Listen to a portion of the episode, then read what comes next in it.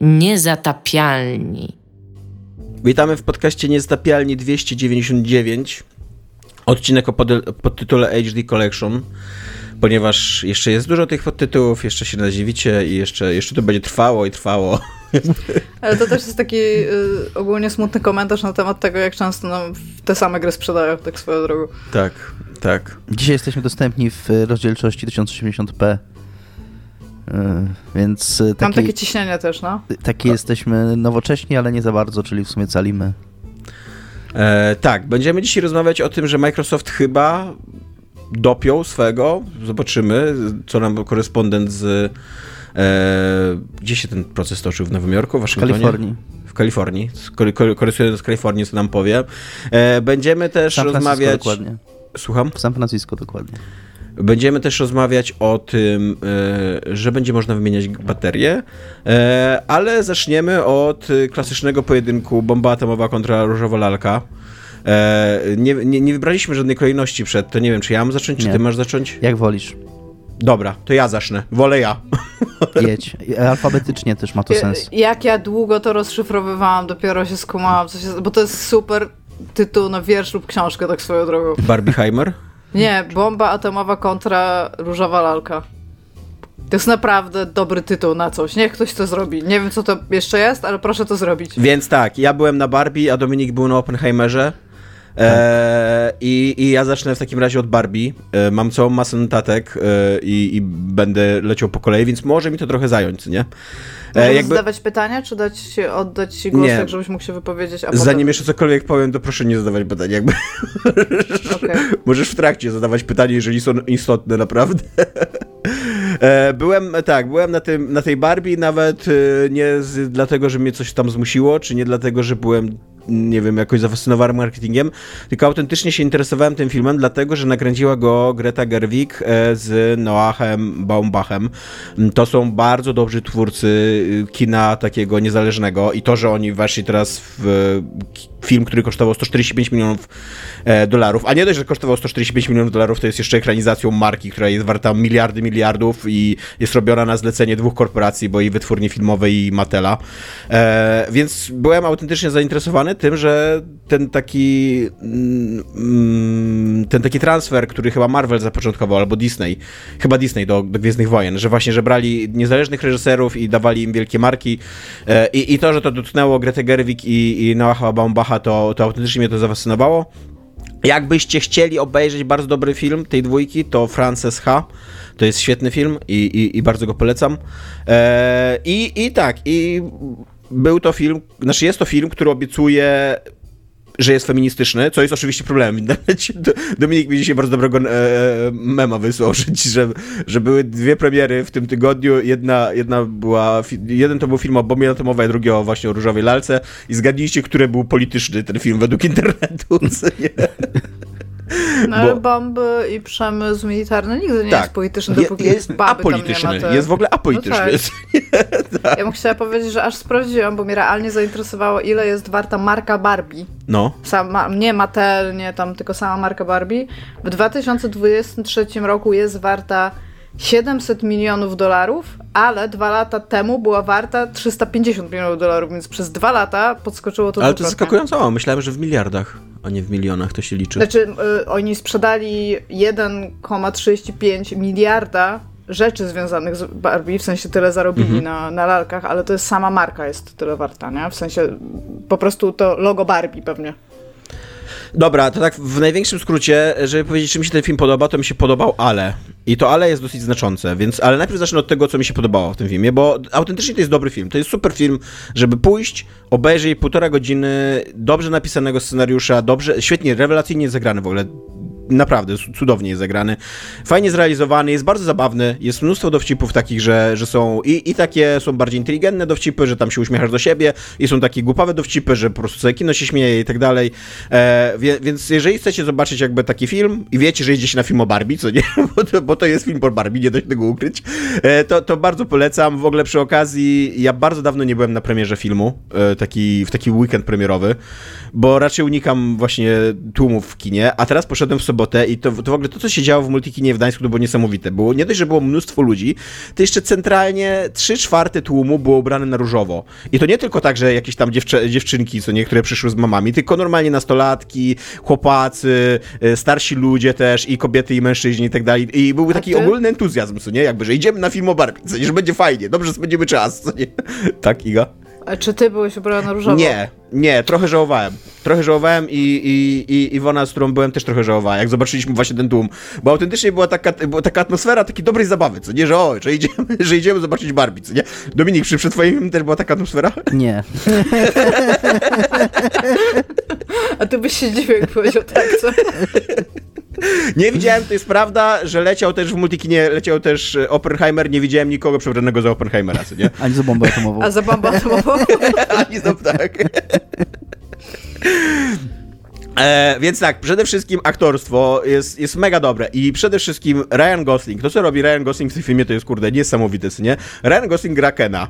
Ken jest lalką i jest dwuwymiarowym bohaterem. I jeszcze ten, ten film, znaczy jest, jest po prostu taką, z takim stereotypem, co nie? Jeszcze ten film jakby gra na tym, że te postacie są stereotypowe. Jakby Barbie, ta główna Barbie grana przez Margot Robbie centralnie jest jakby, tam każdy, każdy gra jakiś typ Barbie, co nie? I ona jest stereotypową Barbie, co nie? I w niej się kocha jakby ten główny Ken z całego takiego morza Kenów, no bo oczywiście było tam milion modeli Kenów, co nie?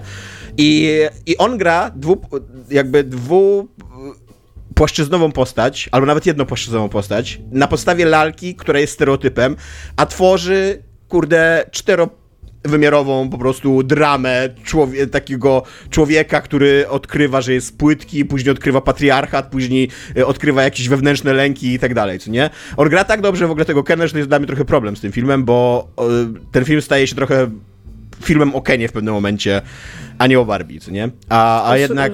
Co? Słyszałam, że Ken ma w ogóle dużo, dużo więcej kwestii tak. W sensie dialogów. Tak. Że ktoś to tam policzył oczywiście już z internautów i że on ma. A to nie. Prawie 60% kwestii dialogowych. Czy nie miałem takiego wrażenia, że go jest więcej w filmie, ale na pewno miałem takie wrażenie, że jego cały ten y, łuk taki narracyjny, nie? To, to jak on mhm. przemianę przechodzi, to co się tam u niego dzieje, y, jest dużo lepiej poprowadzony, dużo więcej emocji tam jest. I mówię, tak, tak, że pod koniec miałem takie, kurde, to miał być film dla dziewcząt o lalce, feministyczny, a koniec końców oglądamy kolejną dramę takiego faceta, który tam nie potrafi odnaleźć się w świecie i, i jest ta Barbie, która mu mówi, jak się odnaleźć w świecie i tak dalej, co nie? Więc to jest taki, taki trochę dziwny wydźwięk z tym Kenem, co nie? Natomiast on ma 10-minutowy taki segment, kurde, musicalowy, bo to jest w ogóle musical trzech czy czterech momentach. Tak jest, normalnie są e, piosenki, normalnie się dyskutuje jakby za pomocą tekstu piosenek i tak dalej, co nie. I jest właśnie w punkcie kulminacyjnym jest 10-minutowy taki numer e, najpierw samego Kena, a później w ogóle wszystkich Kenów z tańcem synchronicznym, e, bitwą i tak dalej. I jest to kurde, niesamowite, zajebiste to jest, nie? To jest po prostu 10 minut zajebistej zabawy. Po prostu to, co tam się dzieje, to jak się zmienia dramaturgia tego, jak się wydarzenia tam rozwijają, jak tekst jest napisany, jak właśnie jak Ryan Gosling gra i tam cała ta plejada innych Kenów też, też jak oni grają, to, to jest kurde taki czysty fan, co nie? Taki, taka czysta radość, że siedzisz w kinie i czujesz, że ci się po prostu morda śmieje, że oglądasz kurde jak lalki tańczą, nie? Znaczy lalki grane przez ludzi. E, więc, więc tak, to Margot Robbie też jest bardzo dobra w tej roli, tylko że jest taki problem, że to jest trochę film o tym, że Barbie jakby chce się stać bardziej ludzka, nie? Jakby odkrywa, bo ona, się, ona zaczyna w ogóle od tego, że jest jakiś tam jakiś taki błąd w Barbie, błąd w Matrixie, co nie, że ona nagle z tych właśnie, z tych takich szpilkowych stóp na, nagle ma mm, płasko po, no, po, e, po ziemi, zaczyna stąpać, zaczyna myśleć o śmierci i tak dalej, no i okazuje się, że tam, że ona właśnie podróżuje do, tak, tak. Okazuje się, że ona podróżuje do, e, znaczy ona później podróżuje do prawdziwego świata, żeby znaleźć dziewczynkę, która się nią bawi i jakby odkryć, dlaczego tak się dzieje, co nie, co, co się dzieje, co nie. No i clue jej postaci jest to, że ona w pewnym momencie odkrywa, że ten taki idealny, różowy, wyidealizowany świat Barbie to nie jest prawdziwe życie. To nie, że jakby nie tak wygląda los kobiety, jak się wydawało Barbie w Barbie Landzie, co nie?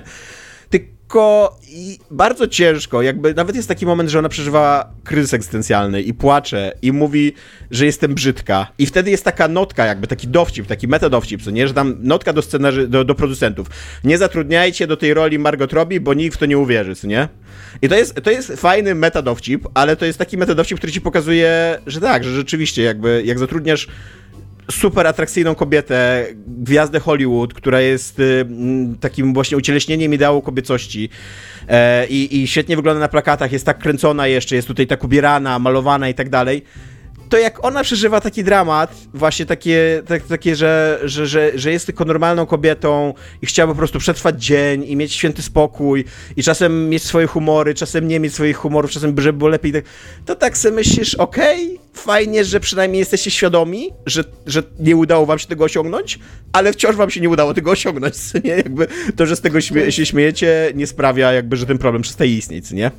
Tak, był taki e, moment, jak wszyscy graliśmy w tego nowego Resident Evil, że e, jakby tylko Redfield porozmawiał z Itanem, to by nie było całej fabuły, ale wtedy by nie było gry, więc samo zauważenie tego faktu w grze jakby tego nie poprawia. To wciąż tak, jest tak, du duży błąd i to, że to widzicie i jeszcze to pokazujecie, raczej pokazuje, że coś źle zrobiliście, a nie, że jesteście sprytni. E, to, co jeszcze chcę bardzo pochwalić, to i to będzie przedziwne, tak mam wrażenie, przynajmniej jak, jak to sobie zapisywałem, że jest super wykorzystany lore Barbie. Ja w ogóle sobie nie zdawałem sprawy, że marka Barbie ma bardzo głęboki lore, że tam właśnie tych, tych modeli y, Barbie jest 50 tysięcy, są jacyś przyjaciele Barbie, jakieś zwierzątka. No jest tam jest Skitter, tam tak. siostrzenica z, yy, Skipper, ta, tak. Skipper, o, jest ta w, nie blondynka Barbie, która nie pamiętam w tym momencie jak się nazywa, ale to jest tam jakaś jej siostra, czy przyjaciółka? Była jakaś... Mi, bo ja tam oglądałem dzisiaj jakąś recenzję tego filmu i, i, i recenzent mówił o różnych Barbie. Czy one się wszystkie nazywają Barbie w tym filmie? Tak, one się wszystkie nazywają Barbie. I mówią, i witają się ze sobą, cześć Barbie, cześć Barbie, cześć Barbie, cześć Barbie i tak dalej, a wszystkie Keny nazywają się Ken i jak jest spór między Kenami, to Ken idzie, musimy, musimy pobić Kena, bo jakby, bo Ken jest ten zły, co nie? I oni jakby, to jest totalnie tak e, jakby w fikcji, że oni rozróżniają. Jak, jak on mówi, że, to, że, że ten Ken jest beznadziejny, to, zna, to wszyscy wiedzą, który Ken jakby. Okay. E, I tak, i właśnie to, że są wszystkie te, te lalki przywoływane, że właśnie te nawet takie bardzo kiepskie pomysły, co nie, Matela, w stylu właśnie Skipper, która e, jak się porusza jej ramieniem, to rosną jej piersi. I to miało być pokazane, jak trudno jest dojrzewać, bo ona jest taką nastolatką i że to ciało jest takie dziwne, co nie? I tak dalej. Albo był, wyobraźcie sobie, że był Ken, który się nazywał Sugar Daddy ale nazywał się Sugar Daddy i był, i był centralnie takim starszym panem, bardzo bogatym, bardzo bogato ubranym, z pieskiem. Ale taki twist tutaj był, film Amatyl wydawało się, że jest chyba jakaś sprytna, że Sugar to było nazwisko, to było imię tego pieska i on był po prostu właścicielem tego Sugar. Wow. nie, jest, nie jest zdziwieniem w ogóle, że wycofano go ze sprzedaży. Tak, wow. i, i właśnie jest milion, milion tych różnych, e, milion tych różnych lalek. To jest, to, jest, to jest real life anegdota, to nie jest z filmu, co nie? Googlałem to. Sugar Daddy powstał naprawdę. I tak, i właśnie to, że oni.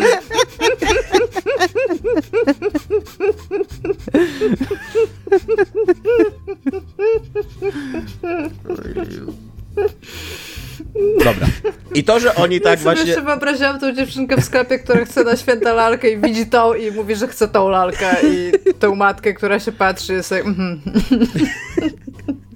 E, I to, że oni tak jakby czołowo się zderzają z tym lorem i z tą właśnie z tak, takim idiotyzmem tego, co Mattel przez dziesięciolecia wyprawiał, to jest super, to jest zabawne, to, to jest fajne, jest też taka dziwna Barbie, to jest ta Barbie, którą też podejrzewam, że wiele dziewczynek miało, to jest ta taka Barbie, która wiecznie robiła szpagaty i obcinało się jej włosy i malowało się jej ten um, makijaż tym mazakami. Ogólnie taka zniszczona Barbie, co nie? Więc ja tam... I Iwona mówiła, że jak miałeś kilka Barbie, zawsze jedna, jednej był taki, taki znaczy, los, żeby ofiarą Barbie, trochę. Jest taka, jest taka Barbie, pamiętam, z, z, bo ja kiedyś dużo czytałam o tej historii jako kolekcjonerstwie i była Barbie sportsmenka i ona miała po prostu bardziej ruchome stawy, więc mogło się ten, ale też był taki... E, po piersie jakby Barbie, na którym mogłeś ćwiczyć make-up i rzeczywiście zmieniać Nie, nie, nie, to fryzurę. los dziwnej Barbie, jakby dziwna Barbie, bo to jest tak, bo te Barbie są ucieleśnieniem nie tylko właśnie tego, co Mattel wyczyniał, ale też tego, jak dzieci się bawią lalkami, co nie? Więc dziwna Mhm. Barbie to jest ucieleśnienie tych lalek Barbie, nad którymi dzieci się znęcały jakby, co nie?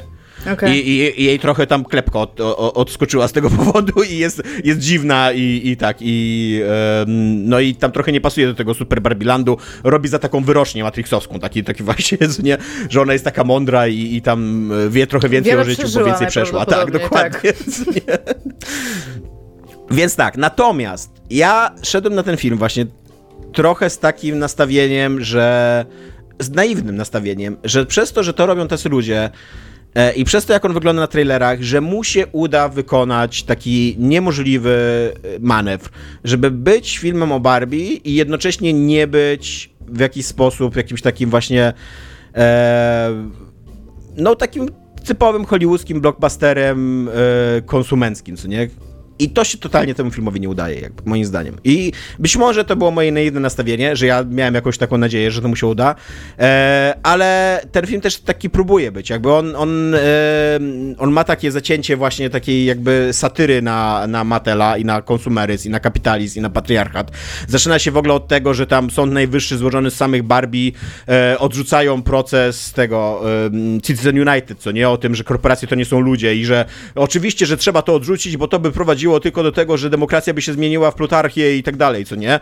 I, i wiecie, no takie, takie, o, tutaj mrugamy okiem, co nie? Lalki, które stworzyła wielka korporacja, przygłosowują tam wyrok Sądu Najwyższego, że wielkie korporacje nie mają wpływu na politykę, co nie? Ale koniec końców to jest film, który ma za zadanie, i to bardzo widać w nim, po prostu sprzedać merchandise, nie? E, I te, i, i, no i jakby nie dokonuje niemożliwego ten film, co nie? On się próbuje zmierzyć z poważnymi te, mm, tematami. Nie do końca mu to wychodzi, bo na przykład, e, jeżeli chodzi o ten cały jego feminizm, to on trochę jakby z jednej strony mówi, że świat jest skomplikowany, że życie jest wieloaspektowe i właśnie, że te Barbie, którym się wydaje, że wszystko jest takie różowe i piękne i tak dalej, że tutaj rewolucja już się dokonała i kobiety, e, los kobiet jest uratowany na świecie i tak dalej, to są naiwne, ale z drugiej strony, jak pokazuje nasz świat, to pokazuje jakby nasz świat tak z Madmena z lat 50., 60., taki jeszcze jakby taki pik korporacyjnego y, tego patriarchatu, nie? Że tam sami mężczyźni decydują, że kobiety y, jakby nie mają ani żadnego głosu i tak dalej. I jakby ja nie mówię, że dzisiaj sytuacja kobiet jest już właśnie tam opanowana, że zwyciężyliśmy i tak dalej. Natomiast Sytuacja kobiet jest opanowana. Zwyciężyliśmy. nie my, nie my mężczyźni Wow. zwyciężyliśmy. Nie, nie, nie, Tomek, już teraz nie jesteś w stanie z tego wyjść My jako prostu. ludzkość, jako w kierunku dobra, Sytuacja kobiet jest opanowana. Zwyciężyliśmy.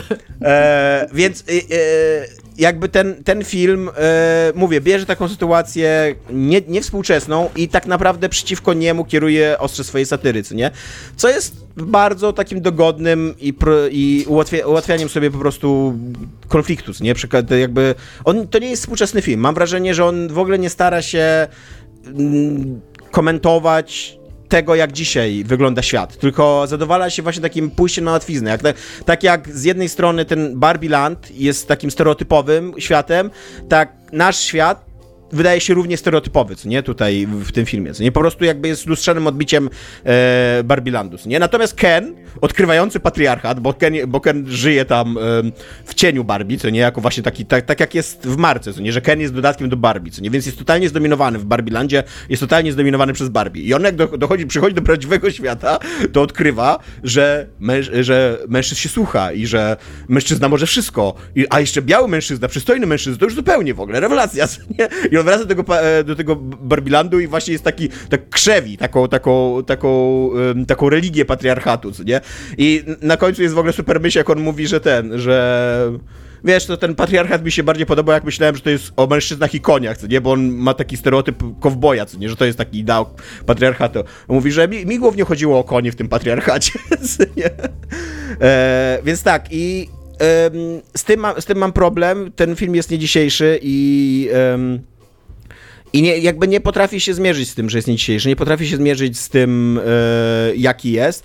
Traci też w pewnym momencie tempo, jakby to, że on skacze pomiędzy tymi dwoma światami, nie do końca się broni tak dramaturgicznie, co nie? Jest taki, są takie ze dwa czy trzy momenty w tym filmie, takie, takie pięciu, siedmiominutowe, że miałem takie wrażenie, że no tego się nie ogląda super, co nie? To, to już to, to jest jakiś taki filler, gdzie tu po prostu, kurde, wrzucają jakiś lore i tłumaczą mi, dlaczego Barbie musi skakać pomiędzy światami i tak dalej, co nie?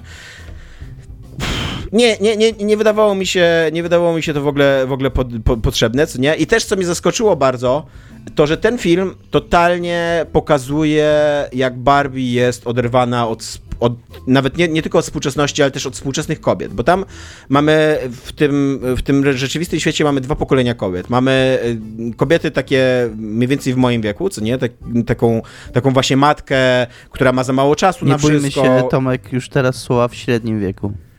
W moim wieku. W średnim wieku kobiety, no. W moim wieku. Jakby jeszcze, jeszcze młodą. E, tak, ale taką matkę, która ma za mało czasu na wszystko, która musiała pójść w życiu na wiele kompromisów, która nie do końca jest szczęśliwa z tym, jakie życie wylądowało i tak dalej, która się nie dogaduje ze swoją córką i tak dalej, co nie? I ona jest rzeczywiście jakby w jakiś sposób odpowiada, rezonuje z tym, co ta Barbie mówi i tak dalej, nie? Natomiast jej córka, która tam ma z 15-16 lat, jest już zupełnie innego pokolenia, co nie?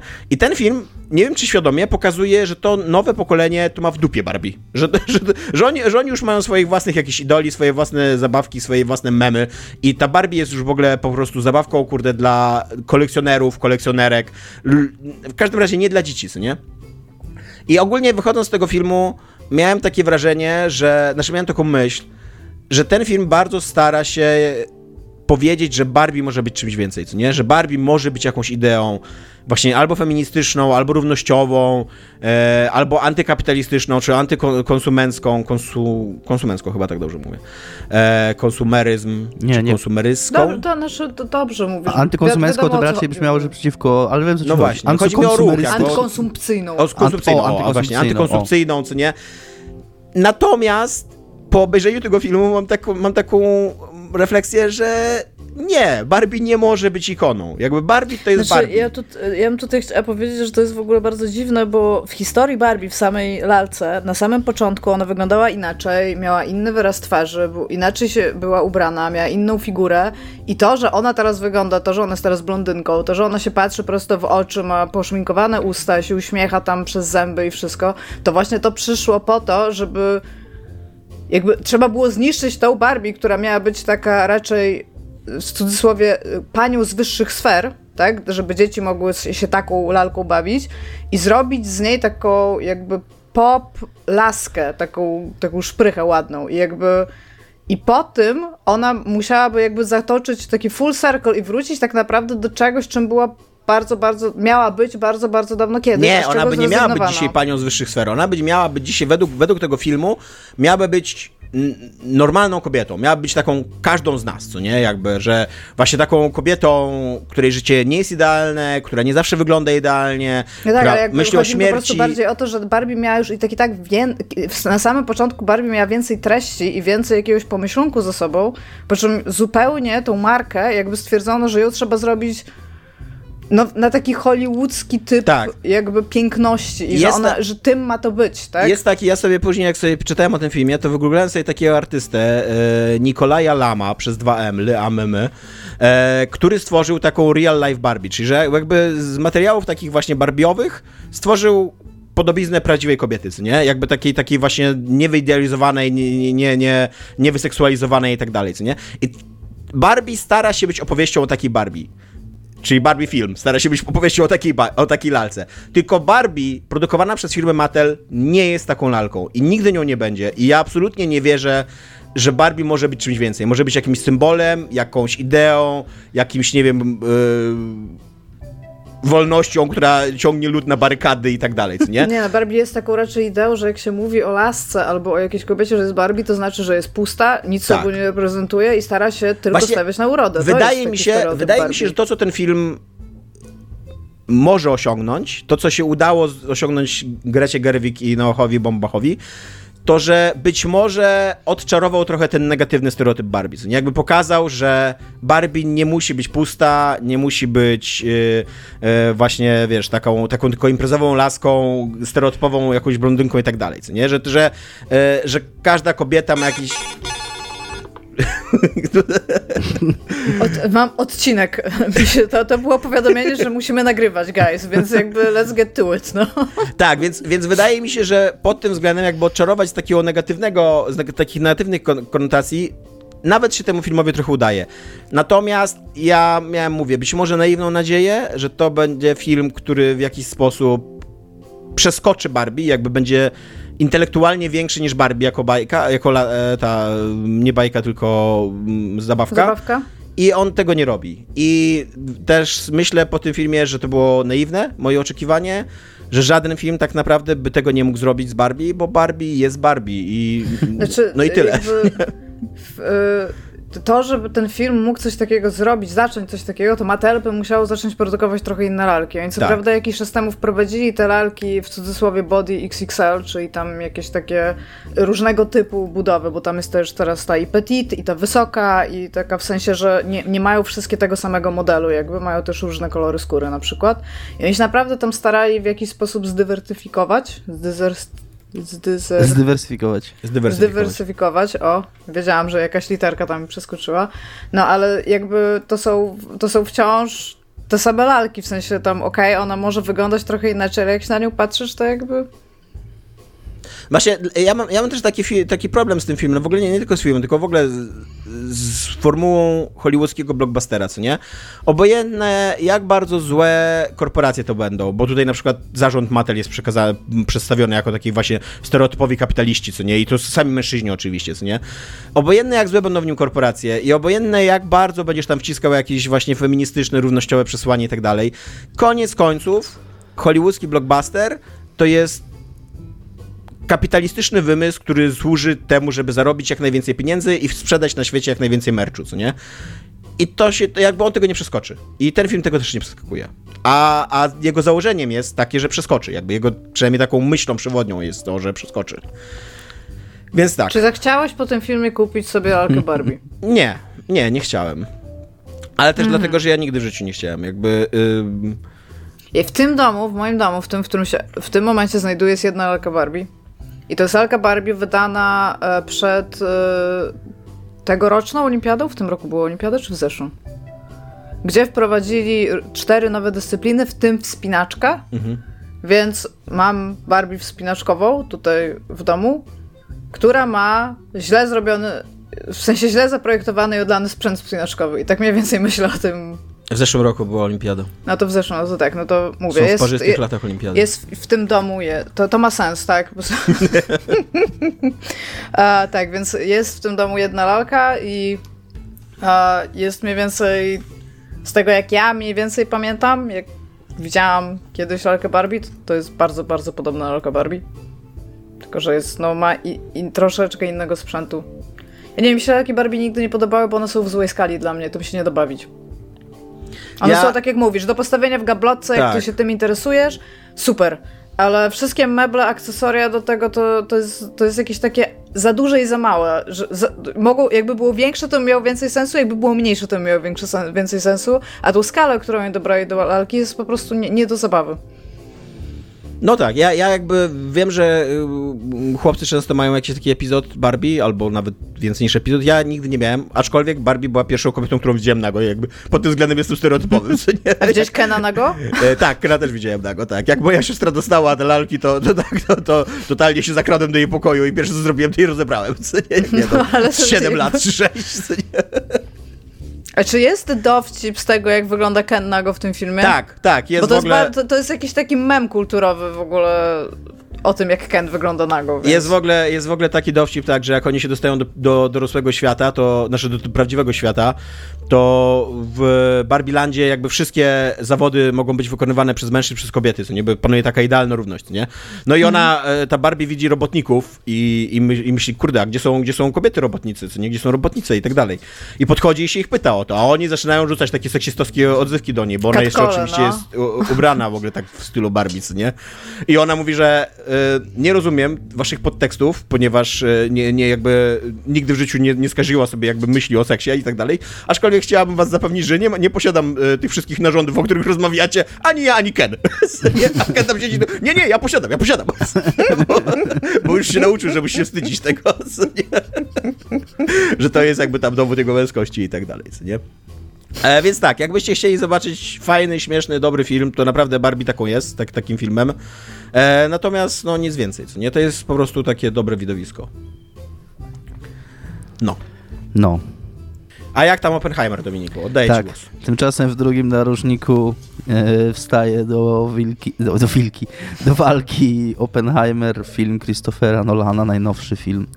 E, z, e, o Robercie Oppenheimerze, czyli nazy nazywanym e, ojcem wojny atomowej. Byłem na tym filmie wczoraj, tak samo jak Tomek. Wczoraj Bomba, jak... Bomba atomowej, nie było jeszcze wojny atomowej, na szczęście. Bomby atomowej, tak, tak. Byłem na tym filmie wczoraj, tak jak Tomek, jak to nagrywamy, a jak to słuchacie, to przedwczoraj, chyba, że słuchacie tego później i tak dalej, wiecie co zrobić, żeby sobie to policzyć.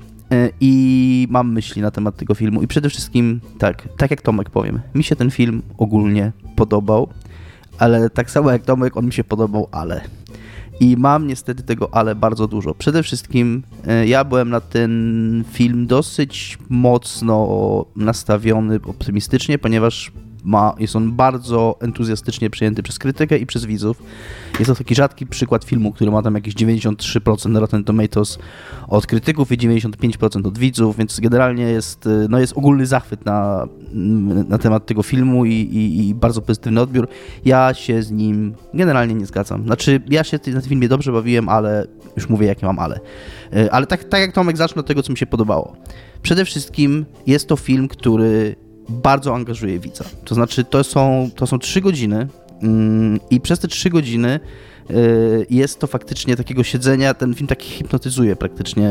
Siedzisz i, i musisz patrzeć na to, co się na nim dzieje i, i jakby chłonąć to. Z tym, że i od razu przejdę do tego ale w sumie, bo muszę o tym powiedzieć. To ja jeszcze zanim przejdziesz do ale, to ja tylko y, powiem, że w kategorii ocen, ocen Oppenheimer trochę wygrywa. Bo Oppenheimer ma 94 w obu kategoriach i krytyków i widzów, a Barbie ma 90 w obu kategoriach i krytyków i, okay. e, i widzów. Natomiast finansowo Barbie zmiażdżyła Oppenheimera, przynajmniej tego pierwszego dnia, tam dwa razy więcej zarobiła, 70 baniek do 33 baniek.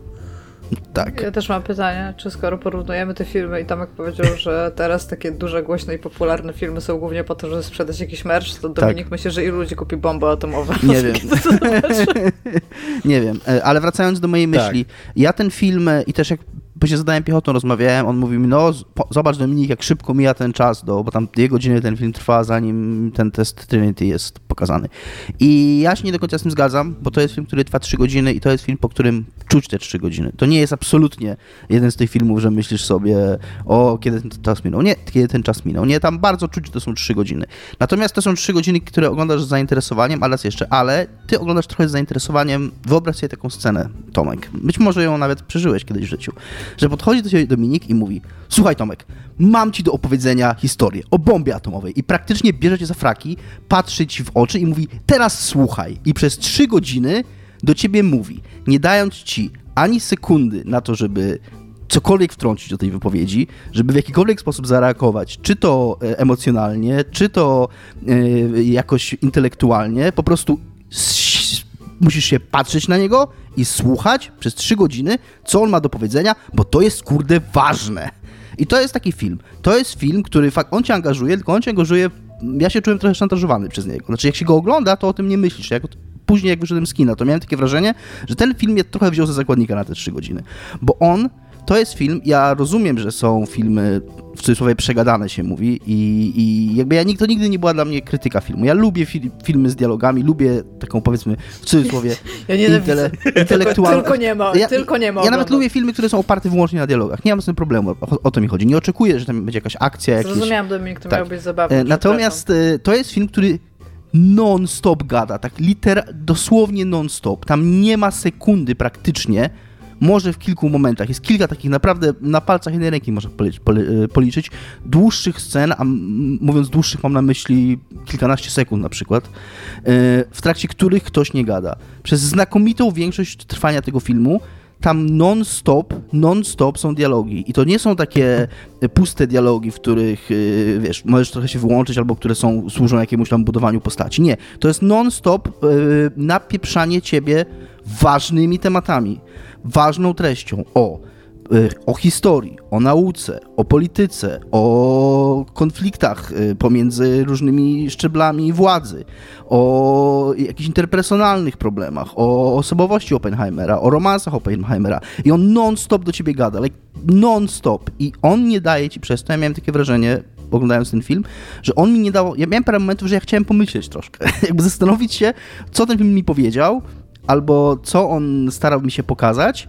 I nie miałem na to czasu, nie miałem na to chwili, bo jak tylko próbowałem pomyśleć, to już gubiłem wątek, już przestawałem y, kumać, co się dzieje, wiesz, o czym, bo, bo, musisz ich słuchać i musisz ich słuchać z uwagą cały czas. I to... To brzmi strasznie wyczerpująco. To, ten film jest wyczerpujący. I Ale to brzmi moim zdaniem jak w ogóle wszystkie filmy Nolana, które właśnie cały czas ci tłumaczą coś. Problem z Nolanem jest taki, że on trochę nie zna umiaru i on w tym filmie też nie zna umiaru. Pod innym względem, bo to jest taki, tutaj pod względem takiego tłumaczenia i gadania. I ten film, ja, tak jak Iga mówi, ja o nim słyszałem i czytałem, że on jest wyczerpujący, z tym, że ja czytałem w takim pozytywnym sensie, że on jest taki właśnie y, y, taki ważny, taki istotny i przez to jest wyczerpujący. Ja się z tym nie zgadzam, on jest wyczerpujący, bo on jest po prostu wyczerpujący. I, i bo, bo, męczy widza I, i on widza bardzo intensywnie męczy. Ale jeszcze teraz może trochę zrobię ten krok w tył, żeby powiedzieć ogólnie, o czym ten film jest. Ten film jest o życiu Roberta Oppenheimera i ten film jest o życiu Roberta Oppenheimera w kontekście jego prac nad stworzeniem stworzeniem bomby atomowej i szerzej w kontekście jego szefowania projektem Manhattan, e, w obrębie którego ta bomba powstała. Natomiast film zaczyna się dużo wcześniej. Zaczyna się długo przed wojną, kiedy Oppenheimer jeszcze jest e, młodym studentem.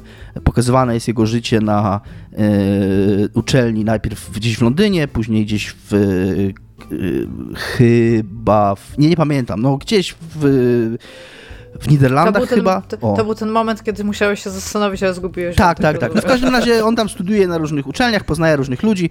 Owsiany się śmiał, że to jest takie trochę wrażenie, jak mieliśmy, jak oglądaliśmy Dungeons and Dragons, że tam na początku musieli powiedzieć Baldur's Gate, Neverwinter Nights, Icewind Dale, żeby jakby obskoczyć wszystkie ważne marki z y, uniwersum. To to trochę też tak wszystkich fizyków trzeba obskoczyć, więc tam w pierwszych 10 minutach pojawia się Einstein, Niels Bohr, Heisenberg y, i tam jakiś Feynman i paru innych, żeby wszystkie najważniejsze nazwiska z historii takich e, fizyków właśnie, którzy byli zaangażowani czy to w fizykę kwantową, czy to właśnie w pracę nad bombą atomową, czy energią nuklearną, e, żeby te wszystkie nazwiska zaznaczyć. Więc on przez, trochę pokazuje przeszłości Oppenheimera, po czym duża jego część się koncentruje wokół projektu Manhattan i w konsekwencji projektu Manhattan i tego, co się później po nim działo. Więc on już na wstępie stawia przed sobą bardzo ambitny cel pokazania bardzo wielu rzeczy naraz. Zarówno jeżeli chodzi o mm, te ramy historyczne, które sobie przy, przyjął, czyli powiedzmy od jakiegoś 30 roku do 40, nie wiem, 55 chyba nawet.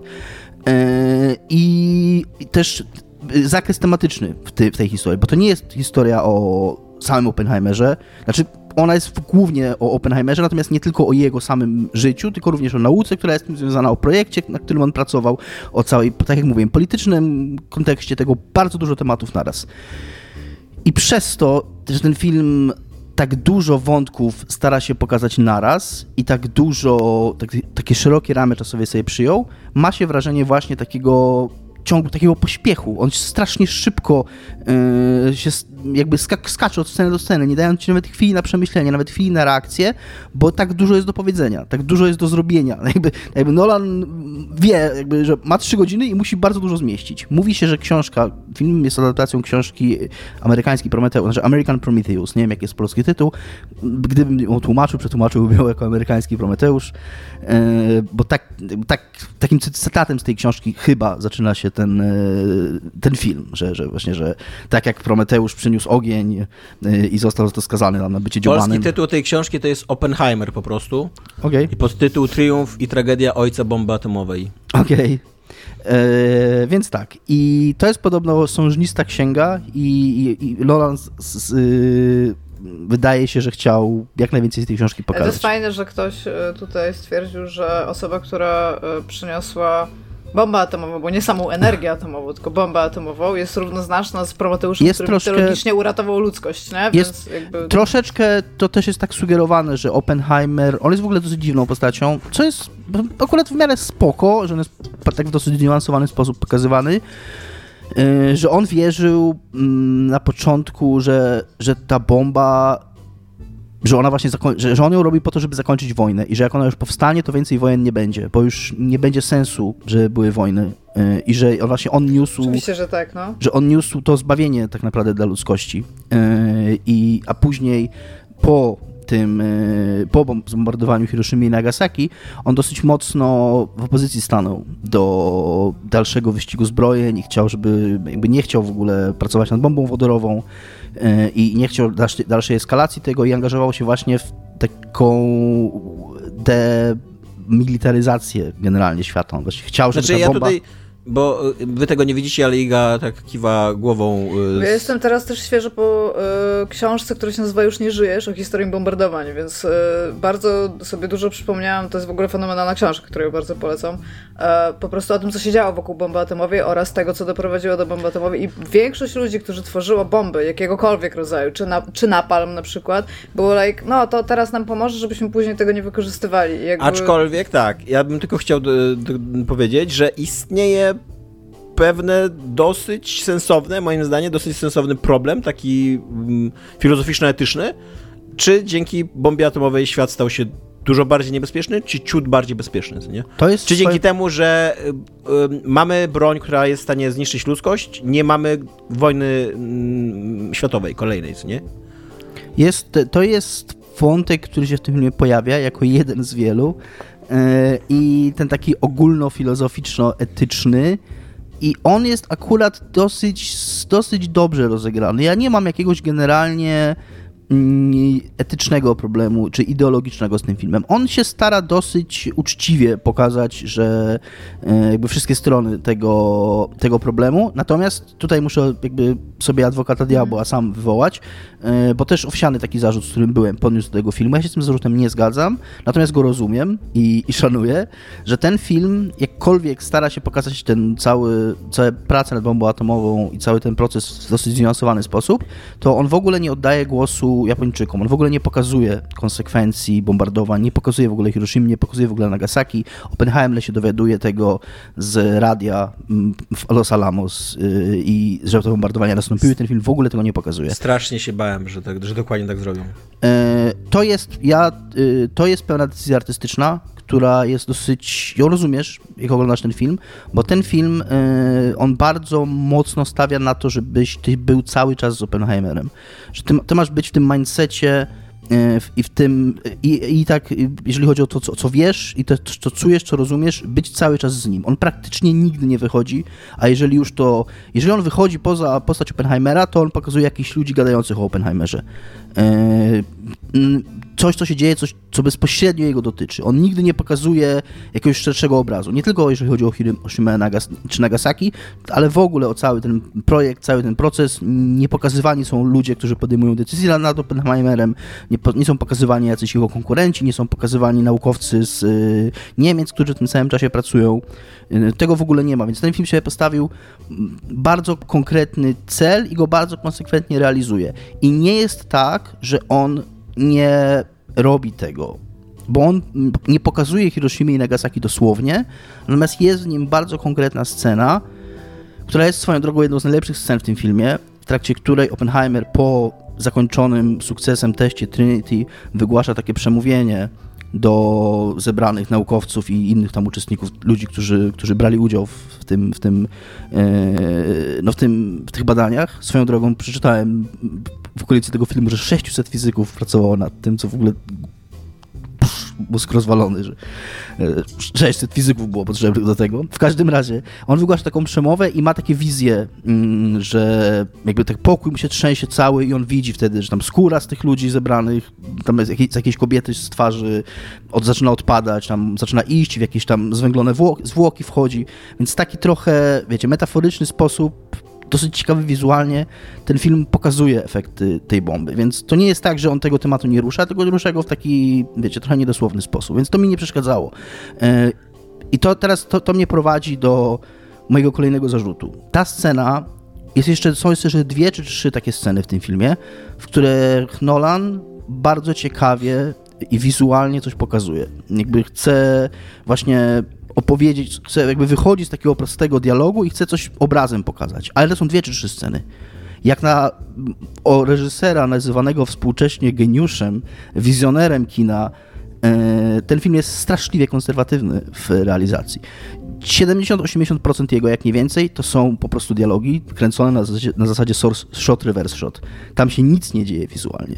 To, jest, to są po prostu, siedzą ludzie w salkach konferencyjnych, czy na w jakichś biurach, czy, czy w jakichś na, na korytarzach uczelnianych, czy w salkach uczelnianych i po prostu gadają ze sobą. I tam się nic nie dzieje wizualnie. Ten film jest na nudny jak flaki z olejem. To ja mam, totalnie w tym temacie mam pytanie, mhm. ponieważ wszyscy wiemy i czytaliśmy, że w tym filmie jebnie, co nie? Jakby. Czy jak jebnie w tym filmie? To jebnie naprawdę? To jakby to, ta e, scena robi wrażenie, czy nie? Yy, test Trinity jest super. I robi wielkie wrażenie, jest świetnie nakręcony. Mm, sam wybuch jest dosyć rozczarowujący. Znaczy mi to, on, on, inaczej, mnie on nie rozczarował. Słyszałem opinię, że jest rozczarowujący. Troszkę je rozumiem, bo nie jest to jakaś wielka eksplozja, też jest to tak, że oni po prostu z dosyć dużej odległości to oglądali i jakby z ich punktu widzenia, znowu, to jest ta chęć Dolana do bycia cały czas w punkcie widzenia Oppenheimera, więc on w trakcie testu Trinity bardzo dużo czasu w ogóle ma kamerę na twarzy Oppenheimera, pokazując jego reakcję na to, a nie samo to, co się dzieje. Że ważniejszy jest Oppenheimer i to, co on przeżywa w tym momencie, niż sam wybuch. I też on, to, ten wybuch pokazuje tylko i wyłącznie z, z tego punktu widzenia Oppenheimera, więc nie jesteśmy nigdy blisko tej eksplozji, e, żeby, żeby widzieć jakąś w jakiejś, jako coś niesamowicie wielkiego. Więc e, sama scena testu Trinity moim zdaniem jest świetnie zrealizowana, ma świetne napięcie, takie, że jak tam robią to odliczanie tylko na ciary, naprawdę. Yy, aż się czujesz, jakby kuna zaraz miało naprawdę wybuchnąć przed tobą. Yy, tak jest to dobrze zrealizowane. Sam wybuch jako fajerwerk jest taki tam... Tak, ja może wytłumaczę skąd to moje pytanie było, bo cały marketing filmu bardzo nakręcał ten wybuch, że tam podobno e, Nolan w ogóle, jeżeli chodzi o pirotechnikę filmową, to jakiś w ogóle przekroczył wszystkie bariery, że tam literalnie prawie, że wy, wy, wy, eksplodował bombę nuklearną, Wydaje mi się, nie, żeby, jeżeli... żeby przedstawić to, bo on też podkreślał bardzo, że mu zależało, żeby pokazać, jak niż niszczycielska jest ta broń i tak dalej. Nie? Wydaje mi się, że jeżeli pójdziecie na ten film oczekując Wystarczy czegoś... pojechać do Hiroshimy tak swoją drogą. Od samego wybuchu jako wybuchu, to będziecie rozczarowani, ale ten wybuch nie jest najważniejszą częścią tej sceny. Ta scena jest... To, co się dzieje wokół tego wybuchu jest dużo, dużo ciekawsze, zarówno wizualnie, jak i dramaturgicznie i jako całość to jest najlep... możliwe, że najlepsza scena tego filmu. Jasne, jakby w tym sensie ona się broni. Tylko, że, i to mnie prowadzi do, kolej... do kolejnej myśli, ten film trwa dwie godziny do tej sceny, po czym ta scena jest naprawdę takim bardzo ważnym punktem kulminacyjnym tego filmu, po czym on się jeszcze kuna przez godzinę nie kończy. Yy, i, i, I tam troszkę nie wiadomo po co on, znaczy wiadomo po co, bo jest to na ekranie, ale ale z drugiej strony masz takie wrażenie, że on jest trochę bez sensu przez tą kolejną godzinę i on trochę zmienia się w taką, o, z tej historii właśnie o, o tych pracach Oppenheimera, o tej pasji Oppenheimera do nauki, ale też o tym, jaką jest skomplikowaną osobą, jakim jest kobieciarzem swoją drogą, bo on tam, za przeproszenie, rucha jak szalony w tym filmie. Za e, przeproszenie. Niech on przeprasza. Że, podobno w prawdziwym życiu zresztą też tak było, że był ruchaczem, za przeproszeniem, raz jeszcze. E, po czym przez kolejną godzinę on jest nagle, nagle tak się odwraca i bardziej jest o tym, jak to... Jak bardzo on nie ruchał. Jak to Oppenheimer... Jak to Oppenheimer był przeciwny później tej, tej bombie atomowej i jak bardzo walczył o to, żeby nie było dalszego wyścigu zbrojeń w tym kierunku i jak został oszukany, nie chcę powiedzieć wyruchany. Wyruchany. Przez pierwsze dwie godziny on rucha, a później jego ruchają. No. jak został... Ruchał wilk razy kilka. Wyruchali wilka. I trochę, w tym, I trochę też w, tym, w tej dalszej godzinie mm, z jednej strony ten film potrafi być fajnie i zniuansowany, a z drugiej strony Nolan ma taką trochę mm, potrzebę w pewnym momencie bardzo jasnego wyklarowania pozytywnych i negatywnych postaci, postaci tego dramatu. I tam są tacy bohaterowie, może żeby nie spoilować, nie powiem jacy, ale są tacy bohaterowie, którzy w pewnym momencie kuna nie byłoby dziwne, jakieś niepasujące do tego, co się dzieje, gdyby nagle tak zaczęli się złowieszczo śmiać, jak, jak czarny charakter, co troszkę się gryzie z tym, jak w innych momentach ten film stara się być uczciwy, jakiś taki historyczny i, i, i, i zniuansowany w tym, co pokazuje. Zobaczę sobie, co tu, jeszcze, co tu jeszcze opisałem. Koniec końców, to, co mi w tym filmie, jak o nim myślę, Yy, I znów, go, go, się dobrze ogląda. On jest, on jest bardzo zaproszeniem watchable, yy, ale, ale znów, przez to, że trochę się zmusza do tego i, i nie daje ci wyboru za bardzo. Często się mówi, nie wiem czy o Nolanie, ale chyba tak, y, często o takich modnych reżyserach, czy o y, reżyserach, którzy mają, wiecie, pozytywne reakcje krytyków i widzów, że są master storytellers, są takimi mistrzami w opowiadaniu historii. Y, I to, a moim zdaniem to największą, największą wadą tego filmu jest to, że w nim nie ma historii, że troszeczkę Nolan próbuje złapać pięć srok za ogon naraz, i on troszkę tak rzuca tym, tymi rzutkami w tą tarczę i je, czasami jakaś trafi, czasami nie, ale nie ma w tym filmie, jakby oglądasz go i koniec końców trochę nie wiesz, o czym on jest. On trochę, to jest tak jakby, też czytałem takie porównanie, że go się trochę jak film dokumentalny i znowu to była przedstawiona jako zaleta, ale wydaje mi się, że współcześnie ja nie jestem koneserem filmów dokumentalnych, ale filmy dokumentalne też chyba raczej się robi tak, żeby one były jakąś historią, tak? Żeby one miały... No jak... tak, no filmy dokumentalne w ogóle zawsze się reżyseruje, żeby Żeby one miały jakiś, jak, jak, jak to dokładnie powiedział polski łuk fabularny, żeby tam było, była jakaś dramaturgia, żebyś się wciągnął, bo ludzie generalnie lubią historię i to, to przemawia do ludzi, tak? My jesteśmy bardzo takim bytem, yy, który lubi... Jesteśmy bytem narracyjnym. Narracyjnym, o, tak. dokładnie. Yy, te, temu, tego Oppenheimerowi strasznie brakuje i bardzo łatwo to, wiecie, wejść na wysokiego konia i bronić to mówiąc, że to jest takie ambitne i takie wizjonerskie. Jasne, można tak powiedzieć, ja się nie zgadzam. Mi, mi tego strasznie brakowało. Ja się w ten film w tak wciągnąłem intelektualnie, bo, bo mówię, on zmusza do tego, ale nie wciągnąłem się, nigdy mi nie obchodziło tak na, emocjonalnie, co się dzieje z tymi postaciami, bo nigdy nie było tam takiego jakiegoś właśnie węża, który mnie prowadził, nie tego węża, węża narracyjnego. Tak, tak, tak. To jest klasyczne pojęcie narracyjne, no, wąż narracyjny, który macie prowadzić. No, który, jak... który cię prowadzi przez film. On jest taki, po prostu rzuca w ciebie scenami i ma kilka takich scen naprawdę świetnych, yy, ale, ale on cię okazuje na, angażuje cię tak na pojedynczą scenę tylko i on jest zawsze taki taki na, na, na wyciągnięcie ręki, ale nigdy nie, nie podchodzi bliżej. I on bardzo dużo się o tym filmie mówi, że Nolan bardzo chciał go kręcić w IMAXie, on jest cały kręcony w IMAXie, więc podobno jest to w ogóle niesamowite wrażenie i ludzie mówią, że pójść na niego koniecznie do IMAXa. Trochę nie rozumiem dlaczego. Być może dlatego, że jest bardzo dużo takich ujęć prosto na twarz, więc tam masz wszystkie pory na twarzy. O, e, super, no to lubię oglądać. Kiliana Murphy'ego widzieć, który jest fenomenalnym w tym filmie, jasne. E, I ale to jest taki trochę paradoks tego filmu, że on bardzo stara się wejść z kamerą prawie, że kurna w duszę bohaterów. Tak, Myślałam, że inaczej skończysz to słowo, będąc, będąc y, w ich twarzy, ale jednocześnie ty, ty nie czujesz się nigdy z nimi tak in, in, emocjonalnie przez to. Tomek? E, tak, ja mam tylko pytanie, bo chyba już kończysz, tak? Bo tak chciałem jeszcze, no, jeszcze będę miał jedną rzecz. E, to ja bym chciał tylko zapytać, czy y, Oppenheimer mówi ten tekst y, zostałem, stałem się śmiercią niszczycielem światów. E, owsiany też, jak znowu wspomnę Owsianego. Bo to jest legenda, on niby tego nie powiedział, tak? Po, powiedział, powiedział. On to jest totalnie wywiad na YouTubie, możesz sobie zobaczyć, y, gdzie on to mówi te słowa. legendą chyba jest to, że on to powiedział w trakcie samego testu on w tym wywiadzie, no możliwe, tak. on w tym wywiadzie mówi, że, że pomyślałem to y, w trakcie tego testu. Y, Owsiany taką miał fajną myśl, że wyobraził sobie taką rozmowę, y, wyobraź sobie tam, y, że siedzisz y, z Christopherem Nolanem i pytasz go, Krzyś Nolan, czy umieścisz w swoim filmie ten cytat A now I am become death and destroyer of words, a Nolan mówi, a, że, a zobaczysz jeszcze jak umieszczę, ile razy umieszczę. Ten film, ten cytat jest więcej niż raz w tym filmie, tak tyle powiem. I jest to dosyć tandetne szczególnie za pierwszym razem. Nie chcę tutaj spoilować, ale sposób, w jaki ten, ten cytat jest wprowadzony, niezbyt mnie przekonał. Ewidentnie Nolan nie chciał e, ekranizować tego wywiadu, mm, który, o którym wspomniałem, więc chciał jakoś inaczej to pokazać i wybrał dosyć tandetny sposób. Niezbyt mi się to podobało, e, ale no musiało to paść i tak pada to, mm, pada to więcej niż raz. E, I co jeszcze chciałem, coś jeszcze chciałem powiedzieć, aha, e, że znowu to co do tego, co do tego przeładowania treścią, mm, Nolan powiedział coś takiego w jakimś wywiadzie czy w jakiejś rozmowie, którą, którą oglądałem wcześniej, że on bardzo nie chciał robić w tym filmie czegoś, co się nazywa composite characters.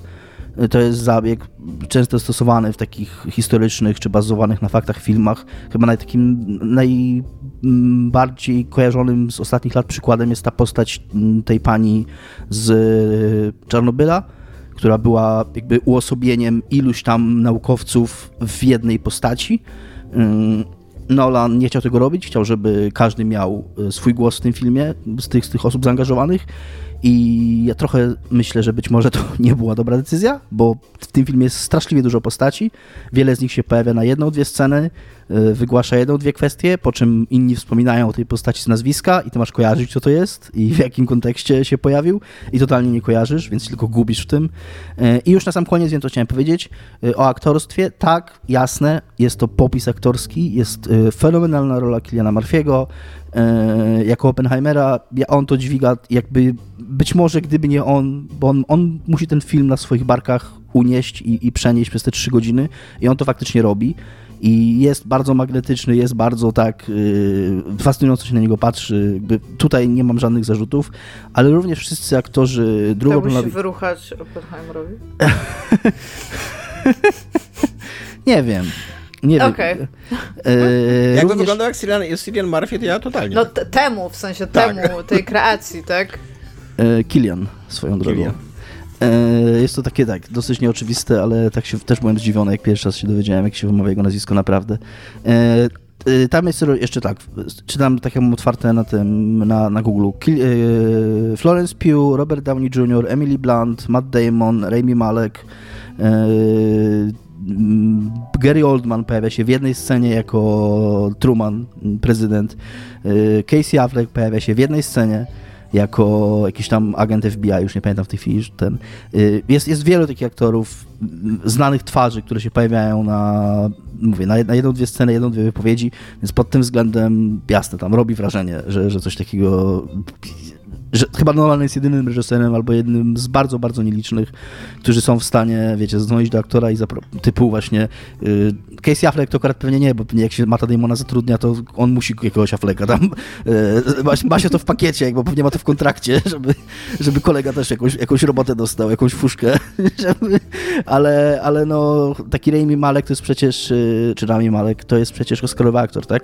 A on tam totalnie ma jedną kwestię w tym filmie y, i, i pojawia się może w tle tle jakiegoś kadru z dwa czy trzy razy, e, więc pod tym względem jasne. I koniec końców e, ja ten film polecam chyba trochę mniej niż Barbie, Tomek, bo więc chyba Barbie wygrał na podcaście jednak, a polecam go trochę mniej głównie dlatego, że ja się nie zgadzam absolutnie, że jest to film, na który trzeba pójść do kina.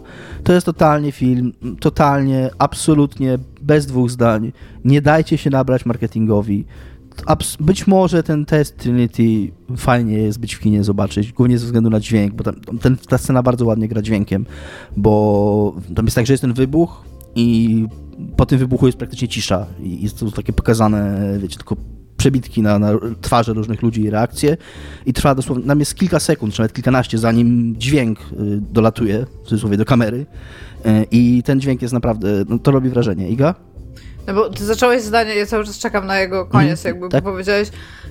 Nie sądzę, że to jest film, który trzeba tam obejrzeć, na który trzeba iść do kina.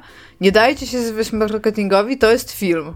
To jest film, który możecie obejrzeć w domu, na który okay, możecie... dobra, o to, o to mi chodziło, czekałam cały czas na koniec na który, na, absolutnie czekajcie, jakby nie czujcie się mm, nakręceni, żeby, żeby koniecznie zobaczyć go w kinie na maksa, to można to spokojnie obejrzeć w streamingu, bo to jest film, przez którego znakomitą większość czasu będziecie oglądać, jak ludzie gadają do siebie. I wręcz, wręcz wydaje mi się, że, że on by trochę zyskał na oglądaniu w domu, bo można by sobie zapauzować czy żeby coś przemyśleć, czy żeby coś dogooglać, czy żeby coś sprawdzić, czy żeby nawet się zastanowić, czy to, co oni mówią, mają sens, ma sens. Mam jeszcze jedno pytanie. Czy ty jako człowiek w moim wieku, Czyli jak sam powiedziałeś, średni. W średnim wieku, tak. Jak zniosłeś 3 godziny 45 minut w kinie? Ciężko dosyć. było mi dosyć niewygodnie, stopa mi zdrętwiała strasznie mm, i, i tak, i, nie, było to, nie było to wspaniałe doświadczenie. Też z tego powodu mm, raczej myślę, że polecam ten film do, do przeczekania i do obejrzenia w domu, bo, bo to jest film o ludziach, którzy gadają i, i którzy gadają naprawdę oni tyle gadają, Tomek, no ja pieprzę, naprawdę. I są, są, są scenarzyści... Myślę, że mogli gadać dużo więcej w trakcie robienia bomby atomowej. Mogli, tak ale wydaje mi się, że gdyby Nolan właśnie, to, gdyby ktoś nauczył y, Nolana umiaru i gdyby on odpuścił choćby jeden wątek, choćby jeden wątek i, i jakby zostawił gadanie na jakiś temat i dał trochę czasu na oddech i temu filmowi, i widzowi, i nawet tym bohaterom, y, żeby chociaż przez chwilę nie gadali to by, byłby to lepszy film. On ma też oczywiście taką Nolanową strukturę niechronologiczną. Tam widzimy tę tą historię z trzech jakby perspektyw czasowych, które się przeplatają, co trochę ma sens, a trochę znowu masz takie wrażenie na koniec, że czy naprawdę i czy nie byłoby jakby czy ten film by wiele stracił, gdyby jego, jego tematyka jest dosyć skomplikowana już sama w sobie. Być może gdyby nie był jeszcze narracyjnie tak pokomplikowany, to być może łatwiej by się go, oglądało. E, I, no tak, i więc nie kupię bomby atomowej, tak jak spytałeś Tomka, czy kupi Barbie po tym filmie. Ja nie kupię bomby atomowej po Oppenheimerze. Na pewno nie jest to moim zdaniem najlepszy film Nolana. E, nie wydaje mi się, żeby to był nawet jeden z najlepszych filmów Nolana jest to taki tam... Dla mnie, dla mnie rozczarował, no. Taka jest moja ostateczna opinia. Iga, a co jest żyte u ciebie? No właśnie, co jest żyte u was, chłopaki? Ale ja teraz, jako że ja nie byłam w kinie w weekend, bo ogólnie raczej nie chodzę do kina, więc e, no co wam powiem, no, nie opowiem wam ani o lalce Barbie, ani bombie atomowej. A bombie atomowej może trochę więcej niż o lalce Barbie dał. I tak zaskakująco dużo wiedziałeś o lalce Barbie, bez przesady. Rzucałaś ciekawostkami, jak ja mówiłem o Barbie. No bo lalka Barbie. Jesteś kompetentna w każdym temacie. Jako tako, to jest bardzo duża część kultury amerykańskiej, tak? Marketingowo, kolekcjonersko i w ogóle też w historii zabawek, gier i wszystkiego, co się z tym wiąże, tak? Bo to jest to, to taka marka ośmiornica, jakby wszędzie starali się wypuścić, tak? Więc no, siłą rzeczy tam gdzieś na studiach po prostu musiałam się nauczyć o lalce Barbie. I byłam taka, Teraz to się dzieje w moim życiu. Muszę czytać analizę, analizę w ogóle tam trendu związanych z Barbie robionych przez jakiegoś profesora tam na jakimś uniwersytecie w zachodniej Europie. E, dobra. Ale mam do was takie y, pytania, y, co, y, w co jest żyte, na które też będę odpowiadać, bo się nagadaliście i jestem pod gigantycznym wrażeniem tego. Wy nie widzicie, drodzy słuchacze, ale Tomek to chyba jeszcze z dwa razy się napił jakiegoś płynu.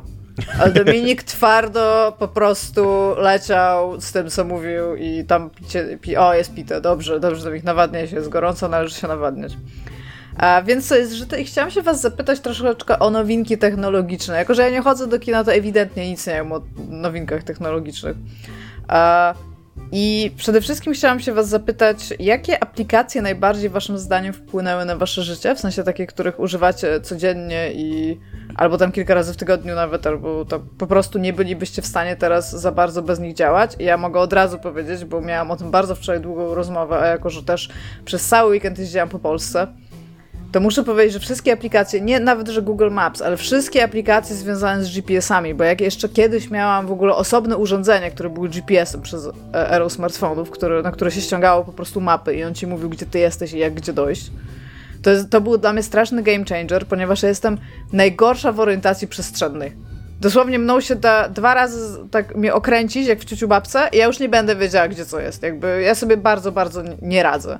Ja muszę wiele razy przejść jakąś drogę, żeby znaleźć punkt orientacyjny, to wtedy wiem, co się dzieje, dokąd idę, ile to zajmie czasu itp. itd., ale bardzo, bardzo uprościły mi życie wszystkiego rodzaju urządzenia i aplikacje, które pokazują mi, gdzie, którędy mogę pójść jak najszybciej, albo tam najfajniejszą trasą i same za mnie o tym decydują, a ja mogę raz na jakiś czas sprawdzić ekran jakiegoś urządzenia i stwierdzić, dobra, idę w miarę w dobrą stronę.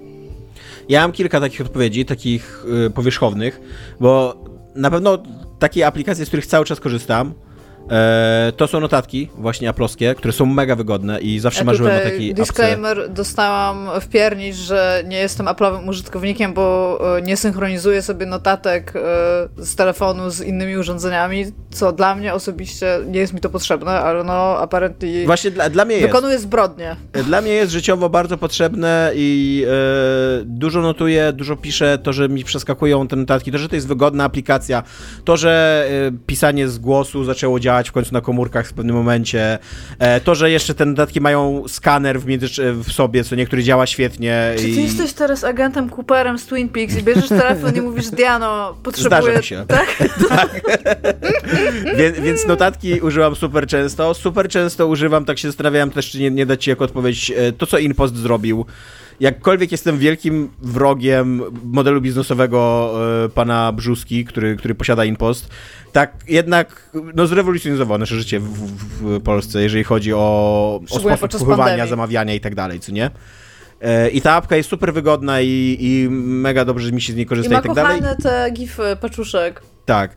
Ostatni rok mój umknął, prze, przebieg trochę pod znakiem aplikacji Lagimi, która nie jest idealną aplikacją, ale jest bardzo wygodną usługą.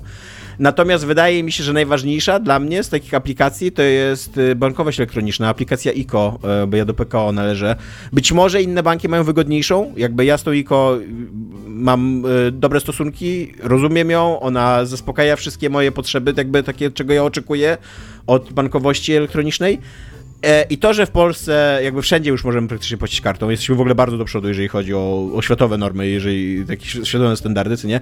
I to, że to jest takie wygodne, to, że mamy te bliki i tak dalej, to jak ja sobie czasem przypominam, jak kiedyś zarządzałem swoimi pieniędzmi, to to autentycznie było, kurde, jak jakiś jaskiniowiec się, się czuje, nie? Tak, Iga? E, bo ja mam do Ciebie pytanie, bo ja dużo o tym ostatnio myślałam, w ogóle o aplikacjach e, bankowych i tego, jak bardzo mocno jesteśmy już teraz przerzucani do bankowości i nie korzystamy z gotówki. E, jest coraz więcej, ja w to mocno nie wchodziłam, ale może ty będziesz lepiej wiedział po prostu. Jest bardzo dużo teraz taki ruch ludzi, którzy przechodzą stricte na gotówkę z powrotem, żeby, żeby nie było tak, że korzystamy ty tylko z rzeczy elektronicznych i że wszystkie pieniądze mamy w bankach. Czy ty uważasz, że to jest dobry ruch, czy to jest bardzo, bardzo, jakiś... bardzo wątpię, żeby to był duży ruch. To może być ruch, który jest zauważalny jest głośno, i, i może być głośny, tak. aczkolwiek no trendy są takie, że, że to, to, nie ma sensu. Nie ma, nie ma sensu, nie ma szans. Jakby przede wszystkim dlatego, że wielkiemu biznesowi to się nie opłaca. Wielki biznes uwielbia elektroniczną wymianę gotówki, bo to jest dużo bezpieczniejsze, dużo łatwiej to śledzić, dużo łatwiej tym manipulować też e, i tak dalej, i tak dalej. Więc jakby to, to, to, jest już, to jest autostrada w jedną stronę, nie, nie, nie, ma, nie ma z tego powrotu. E, czy ja jestem fanem gotówki? Nie za bardzo. Ja e, wiem, że ludzie często mają tak, że przez jak mają gotówkę, to łatwiej im jest... E, zarządzać właśnie, kontrolować ile wydają pieniędzy, nie? Mhm. Ja mam na odwrót. Mi jest łatwiej kontrolować, jak wydaję, jak, jak widzę cały czas stan swojego konta, co nie? E, a teraz właśnie dzięki, dzięki ICO mam po prostu tam na jedno kliknięcie, co nie stan swojego konta. Więc y, ja nie jestem fanem gotówki, noszę przy sobie trochę gotówki oczywiście, no bo tam czasem się przydaje po prostu, ale często w ogóle zapominam, że mam gotówkę i często w ogóle ma, nie mam w ogóle takiego mindsetu, żeby zapłacić gotówką, co nie? Żeby, żeby, żeby przyszło mi do głowy, że, że ja mogę w ogóle zapłacić gotówką, co nie? Mm -hmm. Dominik? Yy, ja chyba już nic nowego nie wymyślę po was. Na pewno to, co powiedziała Iga, yy, jak dojadę jest taką aplikacją. Ja nie jestem zmotoryzowany, o, więc poruszam się. Super, poruszam się.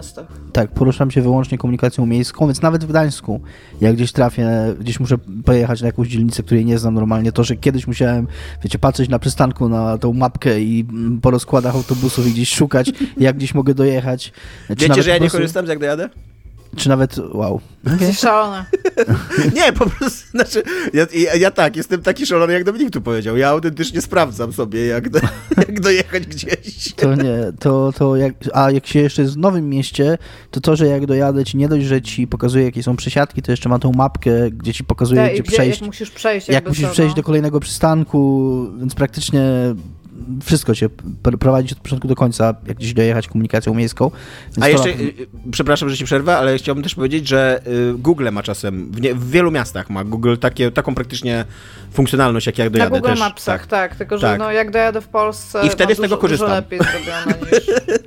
jakoś jest, jakoś A, po prostu nie po prostu nie dojadę. chcesz jak dojadę, tak. Okay. Ale nie wiem czemu, bo ja, okay. ja uważam, że to jest spoko usługa, to nie jest tak, że jakoś jestem przeciwko niej, po prostu z niej nie korzystam. Okej. Okay. A w tej kwestii Tomek powiedział bardzo sobie chwalę płacenie telefonem, to od kiedy Apple Pay zaczęło działać w Polsce i bardzo łatwo jest dodać sobie kartę, po prostu robisz zdjęcie karcie, on tam czytuje, czytuje z niej e, numery, albo możesz wpisać ręcznie, no jak, jak ci się chce wpisywać ręcznie. Bo to, zwierzęciem ze średniowiecza. Tak, tak. I, I praktycznie nie trzeba nie tylko nosić gotówki, nawet nie trzeba nosić portfela obecnie, bo masz kartę dodaną do telefonu i możesz płacić telefonem i to jest super wygodne. E, I, i, i takie, na, nie wiem jak to działa na Androidzie, ale ja na... płacę od bardzo, bardzo dawno, więc... Ale nie, nie, nawet nie muszę wchodzić do tej aplikacji, nic, po prostu wyciągam nie, telefon. Nie, musi być odblokowany u mnie, to jest tylko no, tyle, że... ja muszę przytrzymać, przytrzymać tak, na odcisk palca, nie? I, I więc jest to super wygodne i, i, i pod tym względem na pewno yy, bardzo mi to ułatwia życie. Jeszcze tutaj bym do tego chciała dołożyć yy, komunikat, komunikatory internetowe, które pozwoliły mi pozbyć się praktycznie wszystkich numerów telefonu z mojego telefonu. A, I mój telefon już działa trochę jak pager, w zasadzie można do mnie napisać, e, raczej nie odbieram telefonu. Ja trochę tego nienawidzę. Ja jestem tak. To, to, że jesteśmy teraz, to, że żyjemy w świecie, w którym jest 17 komunikatorów i ty musisz mieć, kurde, Discorda, musisz mieć Whatsappa, musisz mieć Messengera, musisz mieć jakiegoś Signala jeszcze zazwyczaj. Tak, żeby enkryptować mieć... rzeczy niektóre, no. Signal jest potrzebny tylko do kupowania narkotyków. Musisz mieć Telegram. Jest dużo więcej rzeczy do tego. tak. Właśnie Telegram i Signal są bardzo musisz je, dużo Musisz mieć iMessage i i kurde, no nie, ja, jakby ja bym chciał, żebyśmy wrócili do tego momentu, kiedy można było dzwonić i pisać smsy. I jak i pisało się smsy, wszyscy pisali na tej samej platformie, pisali smsy. jakby nie musicie do mnie dzwonić, ale piszcie do mnie w jednym miejscu. No, ja zwykle używam Messengera, chyba właśnie, że potrzebuję czegoś, coś konkretnego osiągnąć, więc wtedy mam kilka innych, ale pamiętam, że jak były trzy dni, gdzie padł Instagram i Facebook, potem mieli jakieś problemy techniczne, to ja byłam odcięta od świata. Ja miałam zero kontaktu do kogokolwiek, żeby cokolwiek powiedzieć. Jakby... Ja chciałem powiedzieć, że to jak powiedziałem, że Signal i Telegram są do kupowania narkotyków, tylko to próbowałem zażartować, żart Ale nie to siadł. jest fakt. A nie chciałem, to nie jest tak, że ja tak to robię, albo że to polecam. Yy, drugs are bad. Znaczy, ale fakt, to, to jest fakt, są używane bardzo często do handlu substancjami, które są tak, nielegalne tak, po ponieważ prostu do sprzedaży są szyfrowane. I posiadania. Tak. Tak. E, I coś jeszcze chciałem powiedzieć, ale mi wyleciało z głowy, więc możemy lecieć dalej. Kiedy ostatnio graliście na telefonach? Ja wiem, że Tomek jakiś czas tak, temu, tam tak już kilka temu, miesięcy no. coś mówił na ten temat. Okay. Dwa, trzy miesiące temu podejrzewam. Nie, no ja mam pracę taką, więc grywam okay. na telefonach w pracy. A, dobra, jaki gadżet, którego teraz, elektroniczny gadżet, którego teraz używacie, daje wam najwięcej radości, jest moje pytanie. Ja od razu powiem, że to jest mój vape. I tak się mi podoba, że mam dwa wow. teraz. Jakby nie wyobrażam sobie wrócić do normalnych papierosów. Co więcej, bardzo często palę je bez nikotyny. Po prostu bardzo, bardzo, ba, bardzo lubię je palić. I teraz od razu odpowiem na pytanie, co nagrzałe, które się pewnie pojawi gdzieś w komentarzach, jak ktoś tego przesłucha. I powiem, że to jest Summer Fruits Puki Juice, który bardzo to polecam.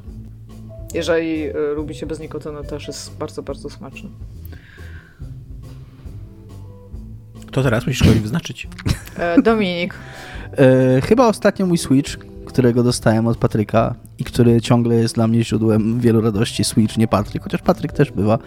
E, I dla mnie jest to takie odkrycie, jak ten cały bullshit technologiczny. Teraz mam Xboxa Series X od niedawna, który jest, którego uwielbiam, naprawdę, ale na którego ciągle nie ma gier za bardzo, takich, które by mi powiedziała, pokazały, jaka jest potęga tej nowej generacji, a gram w tą Zeldę e, Tears of the Kingdom, e, którą gram już, nie wiem, 70 godzin e, i ta gra jest tak cudowna i jest no, tak, taką radością mnie napełnia, że bez porównania w ogóle do czegokolwiek, co się, co się dotychczas ukazało, przynajmniej w tym roku na, na konsolę obecnej generacji. Więc trochę czekam na tego Starfielda, żeby zobaczyć, e, co ten Xbox mój nowy pokaże. Chociaż z drugiej strony ja sobie dopiero teraz przypomniałem o tym Xboxie, jak, jak zacząłem mówić, jak kocham Switcha i właściwie tego Xboxa też trochę kocham. E, kocham go, przede wszystkim uwielbiam to, jak działa Quick Resume. Ja mam takie, wiecie to o mnie, ja mam takie momenty w swoim życiu, że sobie skaczę, lubię sobie skakać z kwiatka na kwiatek i pogram w jakąś grę pół godziny, po czym... Te momenty odpala... w twoim życiu nazywają się twoim życiem. Tak. Po prostu taki jesteś. Odpalam coś innego i Quick Resume, przez to, że mogę mieć, szczególnie jak gram, grałem teraz ostatnio w taką grę, tą nową, co wyszła do Game Passa, The Wandering Village, o tej budowaniu wioski na, na grzbiecie wielkiego stwora, który sobie idzie przez świat. E, I jak gra się w takie gry niezależne, czy gry ze starej konsoli, to w ogóle w tym Quick Resume ostatnio mi się 7 gier mieści, więc mogę sobie odpalić GTA 5, które też tam pograć pół godziny, po czym przeskoczyć, przeskoczyć do tego Wandering Village i te gry się przyłączają, tam to trwa 2-3 sekundy. Grasz w GTA 5 teraz? Tak, tak, gram w GTA 5 trochę, no.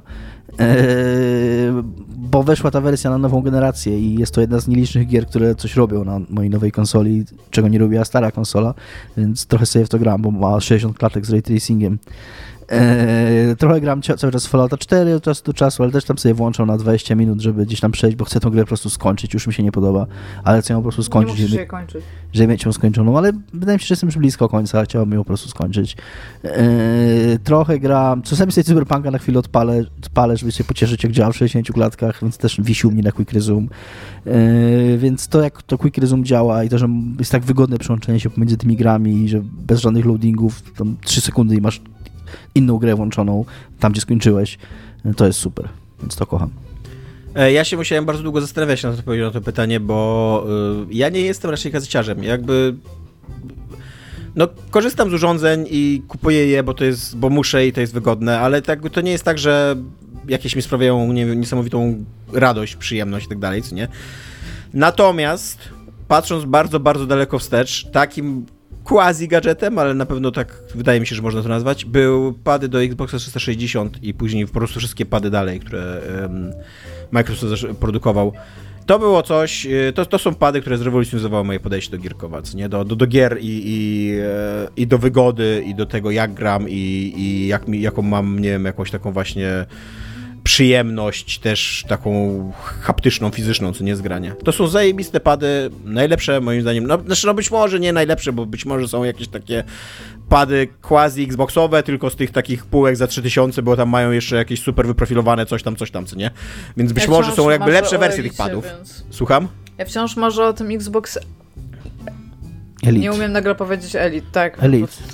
Zagrzałem mi w gardle. Więc tak, jest, ale nadal, nadal to są pady do Xboxa, tylko lepsze, co nie? Tylko właśnie takie bardziej elitarne. E, ale tak, ale to jak, jak kupiłem swojego pierwszego Xboxa, to nawet właśnie nie sam Xbox i nie to, że zacząłem grać na konsoli, tylko to, że zacząłem grać na padzie i do dzisiaj, kurde, to jest, kurde, magia, co nie? Jak te pady działają i jak one są wygodne i jak leżą w dłoni i jak... Jak je kocham, no. I gram teraz y, y, często na PlayStation 5, no bo mam PlayStation 5 w końcu te pady do PlayStation 5 nie są złe, ale to za każdym razem jest tak, że biorę tego pada i sobie myślę, kurde, to nie jest pad do Xboxa. To jest fakt, to nigdy nie jest pad do Xboxa.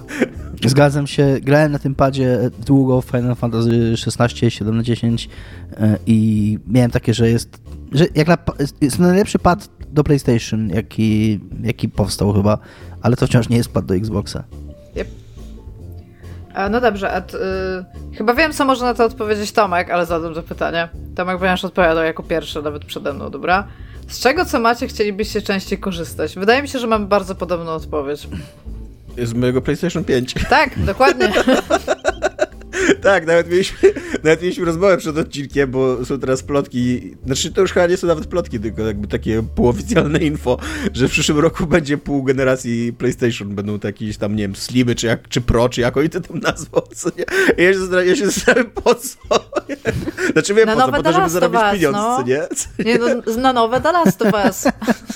na, czym, na czym grać w nowe The Last of Us? Ale tak, ale te konsole no super, fajnie, że są. Jakby ja, ja nie miałem PlayStation 4, więc, y, więc spoko, że mam w końcu PlayStation, co nie? Ale w kategorii konsola nowej generacji to ten PlayStation 5 to jest po prostu jakaś gigantyczna padaka, co nie? No nie wiem w ogóle, nie wiem jaki, nie wiem po co ten sprzęt powstał, co nie? Nie wiem, dlaczego ja go nie nazwali tak, PlayStation ja, 4 Plus. Ja ostatnio musiałam go odkurzyć z kurzu i to, że on jest biały i to, w jaki sposób on jest wyprofilowany, jest chyba głównie po to, żeby wnerwiać się, jak musi wyczyścić skórzu. To jest moje nowe, nowe wrażenie na temat tego sprzętu. Aczkolwiek jak go wyczyściłam, tak się spojrzałam i stwierdziłam, że to wciąż jest brzydkie, ale był też bardzo zakurzony. Teraz jest trochę ładniejszy, co, nie, co nic więcej nie oznacza. Tak, ale chciałabym mieć taki moment, że że wyjdzie ten jakiś tam ekskluzyw, który będzie naprawdę super ekskluzywem i że ja będę realnie siedzieć i ja będę grać na PlayStation, tak? Bo jak ja mam do wyboru grać coś na Xboxie albo PlayStation, to zawsze wybiorę Xboxa właśnie między innymi ze względu Ale na pada. wiesz co, mi już nawet nie chodzi o to, żeby zaczęły I achievementy wychodzić... na przykład, no. Mi już nawet nie chodzi o to, żeby zaczęły wychodzić ekskluzywy, tylko my cały czas jeszcze nawet nie jesteśmy w tym momencie, że gry wychodzą na nową generację, tak. tylko cały czas są międzygeneracyjne, co nie? Jakby ta, ta generacja cała, bo y, ja się zgadzam, że Xbox jest przynajmniej jakiś pomysł na siebie, co nie dzięki Game Passowi. E, a PlayStation nie ma tego pomysłu. PlayStation jest po prostu lepszą konsolą sprzętowo, co nie? Ale i te, ta nowa generacja konsol jeszcze w ogóle nie udowodniła sensu swojego istnienia. No ja rozumiem, tak. Znaczy ja mówię z mojego punktu widzenia, bo jeżeli nawet wyszłoby coś na nową generację i byłoby multiplatform, to ja biorę to na Xboxa, więc to musi być dla mnie ekskluzyw na PlayStation 5. Po prostu, żebym ja ruszyła PlayStation 5, nie? Ale tak, no bardzo bym chciała go używać częściej. Byłoby super nawet, jakbym go mogła używać częściej. Kurde, jak byłoby fajnie. Wydaje mi się, że w ogóle jest jakaś taka nisza biznesu, że ludzie, którzy chcieliby pograć we wszystkie ekskluzywy na PlayStation 5, powinni móc możliwość móc mieć możliwość wypożyczyć tą konsolę na miesiąc ze wszystkimi ekskluzywami, zwrócić ją Sony. No, tak. Tak. Notabene Dominik... niedługo wyjdzie nowa wersja Last of Us 2, nie wiem czy Tak. Nikt się nie spodziewał. Znaczy też mi, minęło już to kilka miesięcy od czasu, jak zremasterowali jedynkę, więc y, liczę na to, że niedługo znowu się jej doczekamy.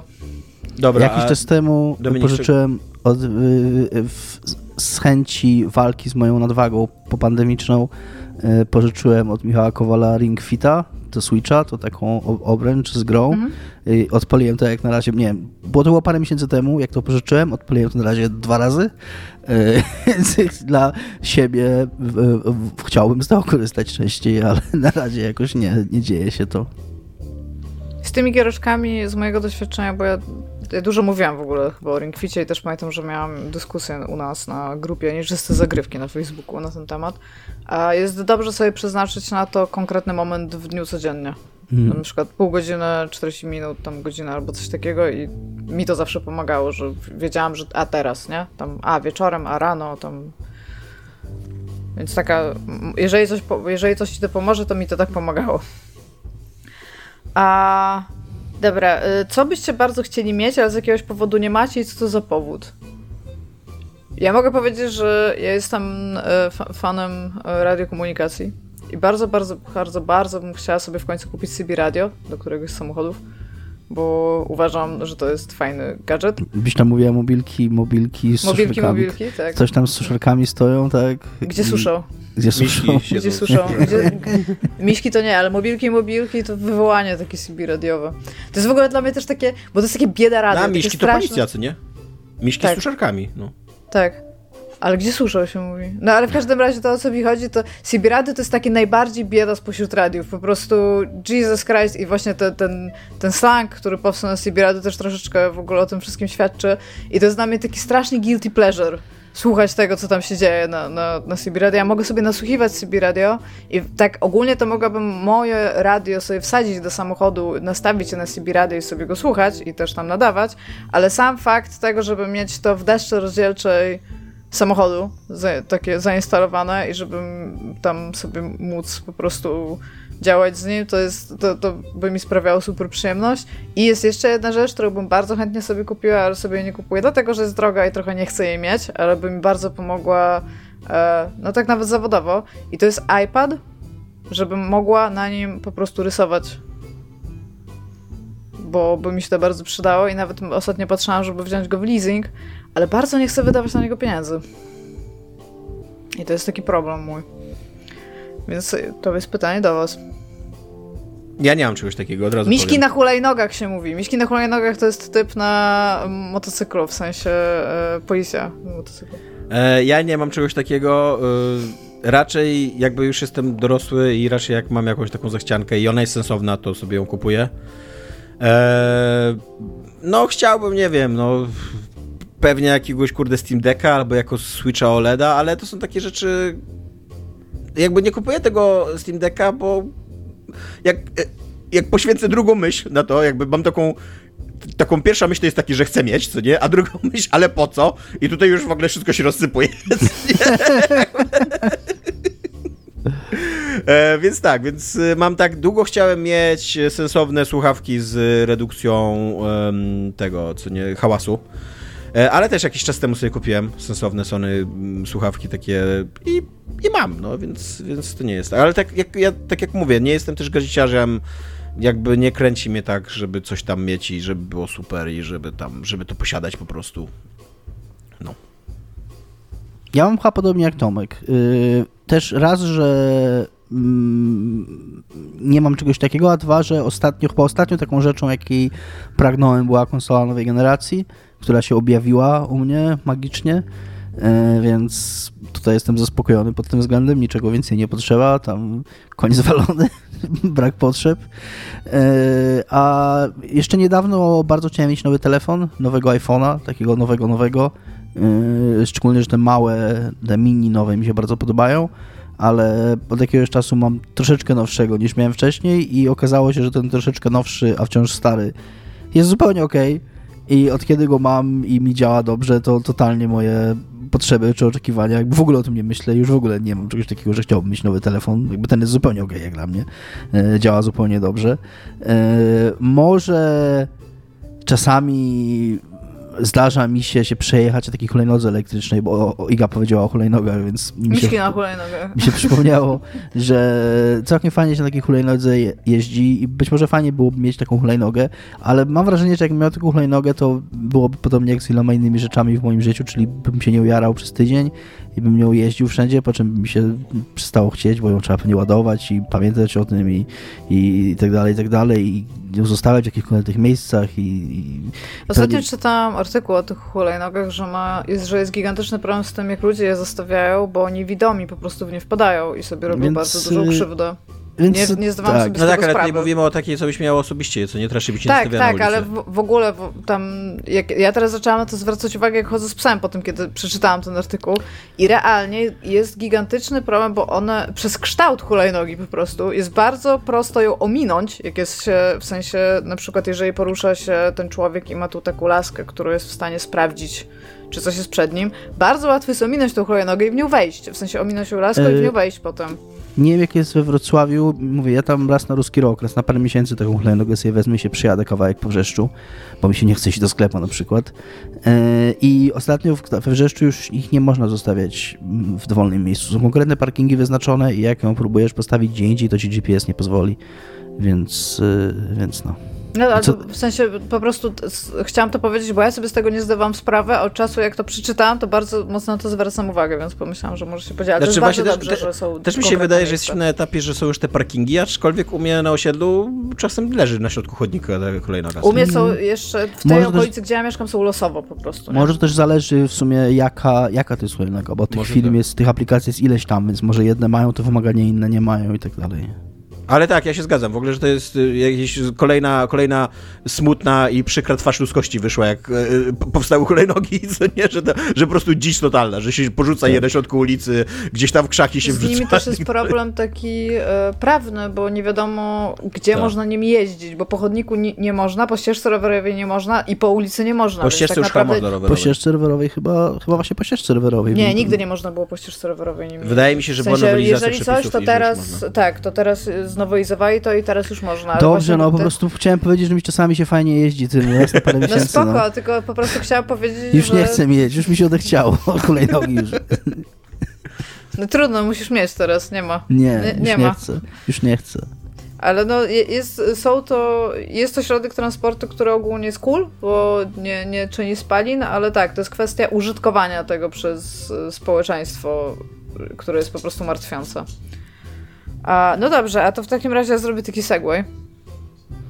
Segway to... nikt się nie spodziewał. I teraz, e, który z tych gadżetów, które macie, ma wymienną baterię? Dlaczego się o to pytam, Tomaszu? tak, pytasz się mnie o to, ponieważ tak, e, nie będziemy dzisiaj rozmawiać o Microsoftie, bo za, za dużo gadaliśmy o kinie i, e, i to jest za duży temat, ten Microsoftowy, więc go przełożymy jakoś na później. Zwłaszcza, że tam cały czas, jak Dominik tutaj słusznie zauważył... E, coś się dzieje. Coś, coś się, dzieje, dzieje, jeszcze będą pewnie jakieś zwroty, jakieś kolejne informacje i tak dalej, więc wrócimy do tego natomiast tak, natomiast e, ciekawa informacja jest taka, że Unia Europejska, czyli ta siła dobra w naszym życiu, którą lubimy, cenimy i szanujemy i, i w której Polska ma zostać, kurde, bo jak nie, to w mordę. E, wow. tak. Unia Europejska e, uchwaliła nowe przepisy, które będą wymuszały od producentów sprzętu elektronicznego, żeby od 2027 roku e, takie sprzęty miały wymienną baterię.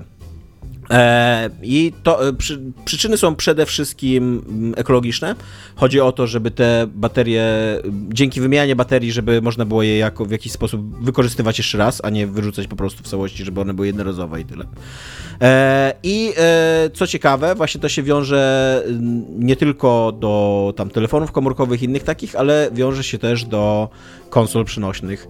Tak więc Switche, Steam Decki, wszystkie te Asusy i tak dalej od 2027 roku będą musiały mieć baterię, którą będzie można wymienić i jest teraz i jest taka ciekawa, ciekawy zapis, że ona będzie musiała być możliwa do wymienienia albo na podstawie powszechnie dostępnych jakby jakichś przedmiotów, narzędzi i tak dalej, albo taka, taka konsola będzie musiała mieć swój, jakby w zestawie przyrządy, które umożliwią wymianę.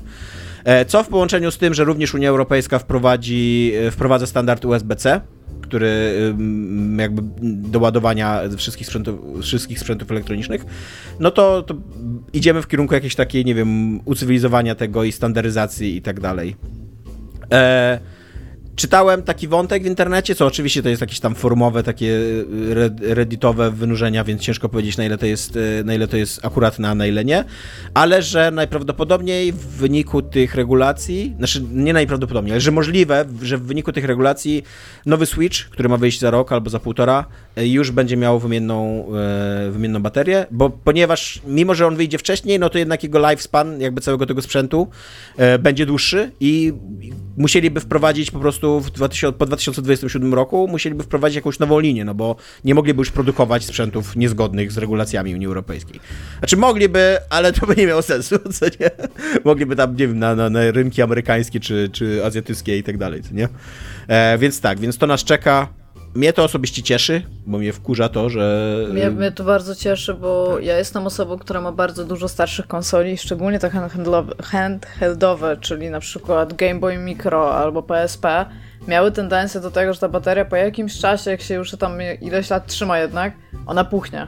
I teraz trzeba kupić część zamienną, trzeba rozłożyć tę konsolę i trzeba ją wymienić, co nie jest najczęściej najprostszą rzeczą, bo po prostu producent nie, niekoniecznie chce, żeby można było to w jakikolwiek sposób wykonać, tak? No dla nich jest lepiej, jeżeli się to zaniesie na przykład do autoryzowanego serwisu po, po czasie gwarancji i się im zapłaci, lub kupi się nową, tak? To to już jest w ogóle fenomenalnie. Więc fakt, że będzie, łat, będzie łatwiejszy dostęp do tych baterii, więc sprzęt będziesz mógł dłużej mieć, jakby w związku z tym, a Plus, że nawet już z takiej archiwizacji niektórych sprzętów, jeżeli dokonujesz jako tam kolekcjoner ich, to, to, jest, to jest bardzo, bardzo dobra i słuszna decyzja, która no, spowoduje też, że po prostu te sprzęty będą działały, tak, po 30 latach. Tak. Więc to, to jest super. Tak, również popieram. Również popieram, bo mm, o ile mm, można powiedzieć, że już teraz tak naprawdę da się wymienić baterię, bo tak jak Iga powiedziała, to nie jest tak, że się nie da wymienić baterii w, w iPhone'ie nowym, czy w, nawet w Switchu pewnie. Na pewno w, w Joy-Conach Switcha da się wymienić baterię, bo sam te baterie wyciągałem e, naprawiając analogi. E, natomiast po pierwsze jest to trudne, bo trzeba mieć specjalne narzędzia, których musisz wiedzieć, które musisz zamówić specjalnie, jakieś tam śrubokręty customowe i tak dalej. E, a po, to po pierwsze, a po drugie wiele ludzi nawet o tym nie wie. Wydaje mi się, że to jest coś, na czym firmom zależy przede wszystkim, żeby tworzyć w tobie, to jest chyba jeden z głównych w ogóle sposobów do nakłaniania ludzi do kupowania nowych telefonów, że ta bateria siłą rzeczy po paru latach użytkowania zaczyna działać coraz gorzej, więc człowiekowi, który się nie za bardzo interesuje, i który nawet może myśleć, że w baterii w nowym smartfonie się nie da wymienić, bo on tak wygląda, że się nie da wymienić, to on po prostu machnie ręką i kupi nowy telefon. I, i a to, że teraz nie Bardzo tylko, żeby że będzie to bardziej możliwe, ale że właśnie, że będzie to bardziej komunikowane jaśniej odbiorcom. Coś mówisz? Bo też bardzo często e, jest też tak, że przy próbie wymiany baterii na przykład zrywasz plombę gwarancyjną, tak? Bo dostałeś tak. się do środka, jeżeli on jest, jeżeli sprzęt, na przykład telefon, jest jeszcze objęty gwarancją, a ty starałeś się sam w nim coś wymienić, bo nie wiem, byłeś, kurde, w dżungli i potrzebowałeś wymienić baterię, no to już go sobie nie wymienisz, tak? W sensie już, już straciłeś tą gwarancyjną plombę i tam elo, pozdrowienia do więzienia. tak. Jest super. Jeszcze tu chcę powiedzieć, że Apple, e, bo to też było napisane w artykule, który czytałam, Apple będzie miał USB-C, ale nie są zadowoleni, bo lubią, jak wszyscy mają te ładowarki. Ja, ja na przykład też jestem wielkim kolekcjonerem kabli i robiłam też chyba dwa tygodnie temu E, taką trochę reinwentaryzację e, tego, co mam, żeby zobaczyć. I jestem dumna, że ka w każdym momencie może do mnie przyjść człowiek i powiedzieć, że chce podłączyć swoją Nokia 5510 do fax modemu i mam wszystkie przejściówki do tego, nie? Ja, wow. E, ja oczywiście jakby, tak jak mówię, jako fan regulacji i, i Unii Europejskiej jestem cały za USB-C jakby, żeby tam był standard, żeby można było do wszystkiego podłączyć. Aczkolwiek chciałbym zauważyć na e, trochę usprawiedliwienie Apple'a, że oni wprowadzili teraz USB-C do nowych mm, MacBooków. I nie da się ukryć, że ich poprzedni standard, ten taki magnesowy, był o niebo wygodniejszy niż to USB-C. O niebo. Więc, więc trochę, trochę żałuję, że, że go nie ma. Ale... Rozumiem, rozumiem, że jest więcej zalet i, i okej, okay, niech będzie to USB-C, ale trochę żałuję, że tego magnesowe, tej Lightning to się chyba nazywa, tak? Nie, nie Lightning. Mac, Mac Connect chyba po prostu tak? się nazywał. On nie tak. miał jakiś właśnie jakiś tam Thunderbird albo coś takiego? Jakiś taki nie, nie, nie. flash Ale z, swoją drogą... E, The Energy of Lightning app. To, to jest troszeczkę e, problem Apple'a, jak to zwykle w takich wypadkach, bo to nie jest tak, że nie można zrobić takiego magnetycznego połączenia na USB-C i oni chyba będą to robić. Wydaje mi się, że wracają właśnie do MagSafe'a, że no, te, powiedzmy MacBook nowy ma tam powiedzmy cztery te porty Yy, USB-C, więc one przez, przez, przez, każdy z nich możesz ładować. To nie jest tak, że jeden jest tylko do ładowania, więc nie ma żadnego problemu, żeby Apple zrobił swój własny kabel USB-C z jakimś tam magnetycznym właśnie taką przypinką, jak były te kiedyś i żeby jedno z, jeden z tych czterech USB-C w laptopie właśnie był taki magnetyczny. Tylko, że to, co zrobi Apple, musi, będziesz tym musiał chyba według tej regulacji móc ładować wszystko inne też. A, okej, okay. a, okej, okay. no to w takim razie... Że oni nie mogą właśnie zrobić, że mogliby Rozumiem. zrobić w jakiś sposób, że komputer ci złapie to, ale sam kabel ja a. mogę sobie potem wziąć i podłączyć do no losowego sensie, urządzenia okay. w domu. No to w tym sensie to faktycznie nie Bo to ma doprowadzić ogólnie tak bardzo, żeby to uprościć, żebyś mógł mieć jedną ładowarkę w domu na wszystkie sprzęty. Więc jakby ona okay. musi wziąć, każdy sprzęt musi móc jej używać. Tak, natomiast, natomiast te kable Lightning do tych, do iPhone'ów są tak samo upierdliwe jak normalne kable, też trzeba je wcisnąć fizycznie, więc do piekła jak z nimi, to nie, nie, niech płoną. Pozdrowienia do więzienia. tak. Krzyż na drogę. Tak, dokładnie. E, w MacBooku Air już w 2022 roku MacBooki Air mają z powrotem MagSafe, ale to nie jest żadne, to nie jest jakiś, mm, tak jak ja sobie spekulowałem, jakieś USB-C, po prostu zamiast obok czterech USB-C masz dodatkowo te złącze. E, no tak, to, to ma sens. Masz cztery USB-C plus to, to złącze MagSafe, tak? I Czyli, że możesz na dwa sposoby ładować takiego laptopa, tak? I przez tak, USB-C tak, i tak, przez tak, ich własne, tak? Tak, tak, tak. tak. No. no. to tak, mi, mi, brakuje jakby tego złącza. To ono było super, ono było mega ono wygodne. było super, to prawda. Tak, tak, e, ale no widocznie zły komputer kupiłem, no. Dobra. E, to tyle na dzisiaj. E, mamy nadzieję, że wam się podobało, bo jeżeli wam się podobało, to jest taka stronka internetowa jak patronite.pl, na którą możecie wejść. Wpisać w wyszukiwarkę niezatapialni. Tak, e, i, i tam nas wesprzeć finansowo i te pieniążki nam pomagają tutaj realizować nasz podcast, nasze pasje i nasze życie i kupowanie chleba i tak dalej. E, chcielibyśmy podziękować szczególnie Mafinkowi, Jarosławowi Bartkowi i Tomaszowi za to, że wspierają nas na, na najwyższym E, poziomie, jesteście super, ale wszyscy inni, którzy nas wspieracie, też jesteście super, a ci, którzy nas nie wspierają, bo, bo nie chcą albo mają jakiś powód, też jesteście super i tam słuchajcie nas i lajkujcie i komentujcie i, i, i cokolwiek. Pamiętajcie, że mamy taką grupę grupę na Facebooku. Ja jeszcze chciałem, się- przepraszam, y, przepraszam jeszcze Tak. w temacie Patronite'a, chciałem też y, y, wysłać serduszka i podziękowania, bo ostatnio nam trochę spadło ten Patronite i już byłem trochę tak smutny, a wczoraj patrzę, wszedłem na niego i że znowu podskoczył do takiego poziomu chyba najwyższego, jaki mieliśmy kiedykolwiek i byłem bardzo szczęśliwy i już nie byłem już smutny, więc y, dziękuję Jezu, za to. szantaż emocjonalny. Tak, mamy też grupę na Facebooku, możecie komentować na tej grupie na Facebooku, ona się nazywa Nieczyste Zagrywki. Musicie to wpisać tam i wysłać prośbę o przyjęcie i my was przyjmiemy i będziecie mogli tam sobie gadać. Możecie też komentować pod odcinkiem na, e, na blogu. Jeżeli komentujecie gdzieś I na, na jakichś Spotify'ach, bo chyba ostatnio ktoś... Ja czytam, od czasu do czasu wchodzę Na na? Spotify'a. Tak. Tak. E, no, Niestety tylko ja to mogę czytać, bo tylko ja mam admina tam, e, a to chyba trzeba mieć, chyba nie można po prostu wejść na stronę podcastu i to tam zobaczyć, bo to jest ubezpieczenie do nas. Więc w każdym razie to, co chciałem powiedzieć, że to nie ma sensu, to jakby trochę, trochę tak, trochę wciąż racja. To nie ma To sensu. wciąż racja, bo ja tak, to, ja to czasami też- czytam, ale ja nie będę na to odpisywał e, nam raczej. też wysłać maila Więc na tak, więc jak kontakt chcecie, więc jak chcecie, żebyśmy my na to odpowiedzieli, bądź jakoś się ustosunkowali, bądź przeczytało to więcej niż jedna osoba, to, to nie piszcie na Spotify. No. I to tyle na dzisiaj. Trzymajcie się, hej. Dzięki, cześć. Yeah.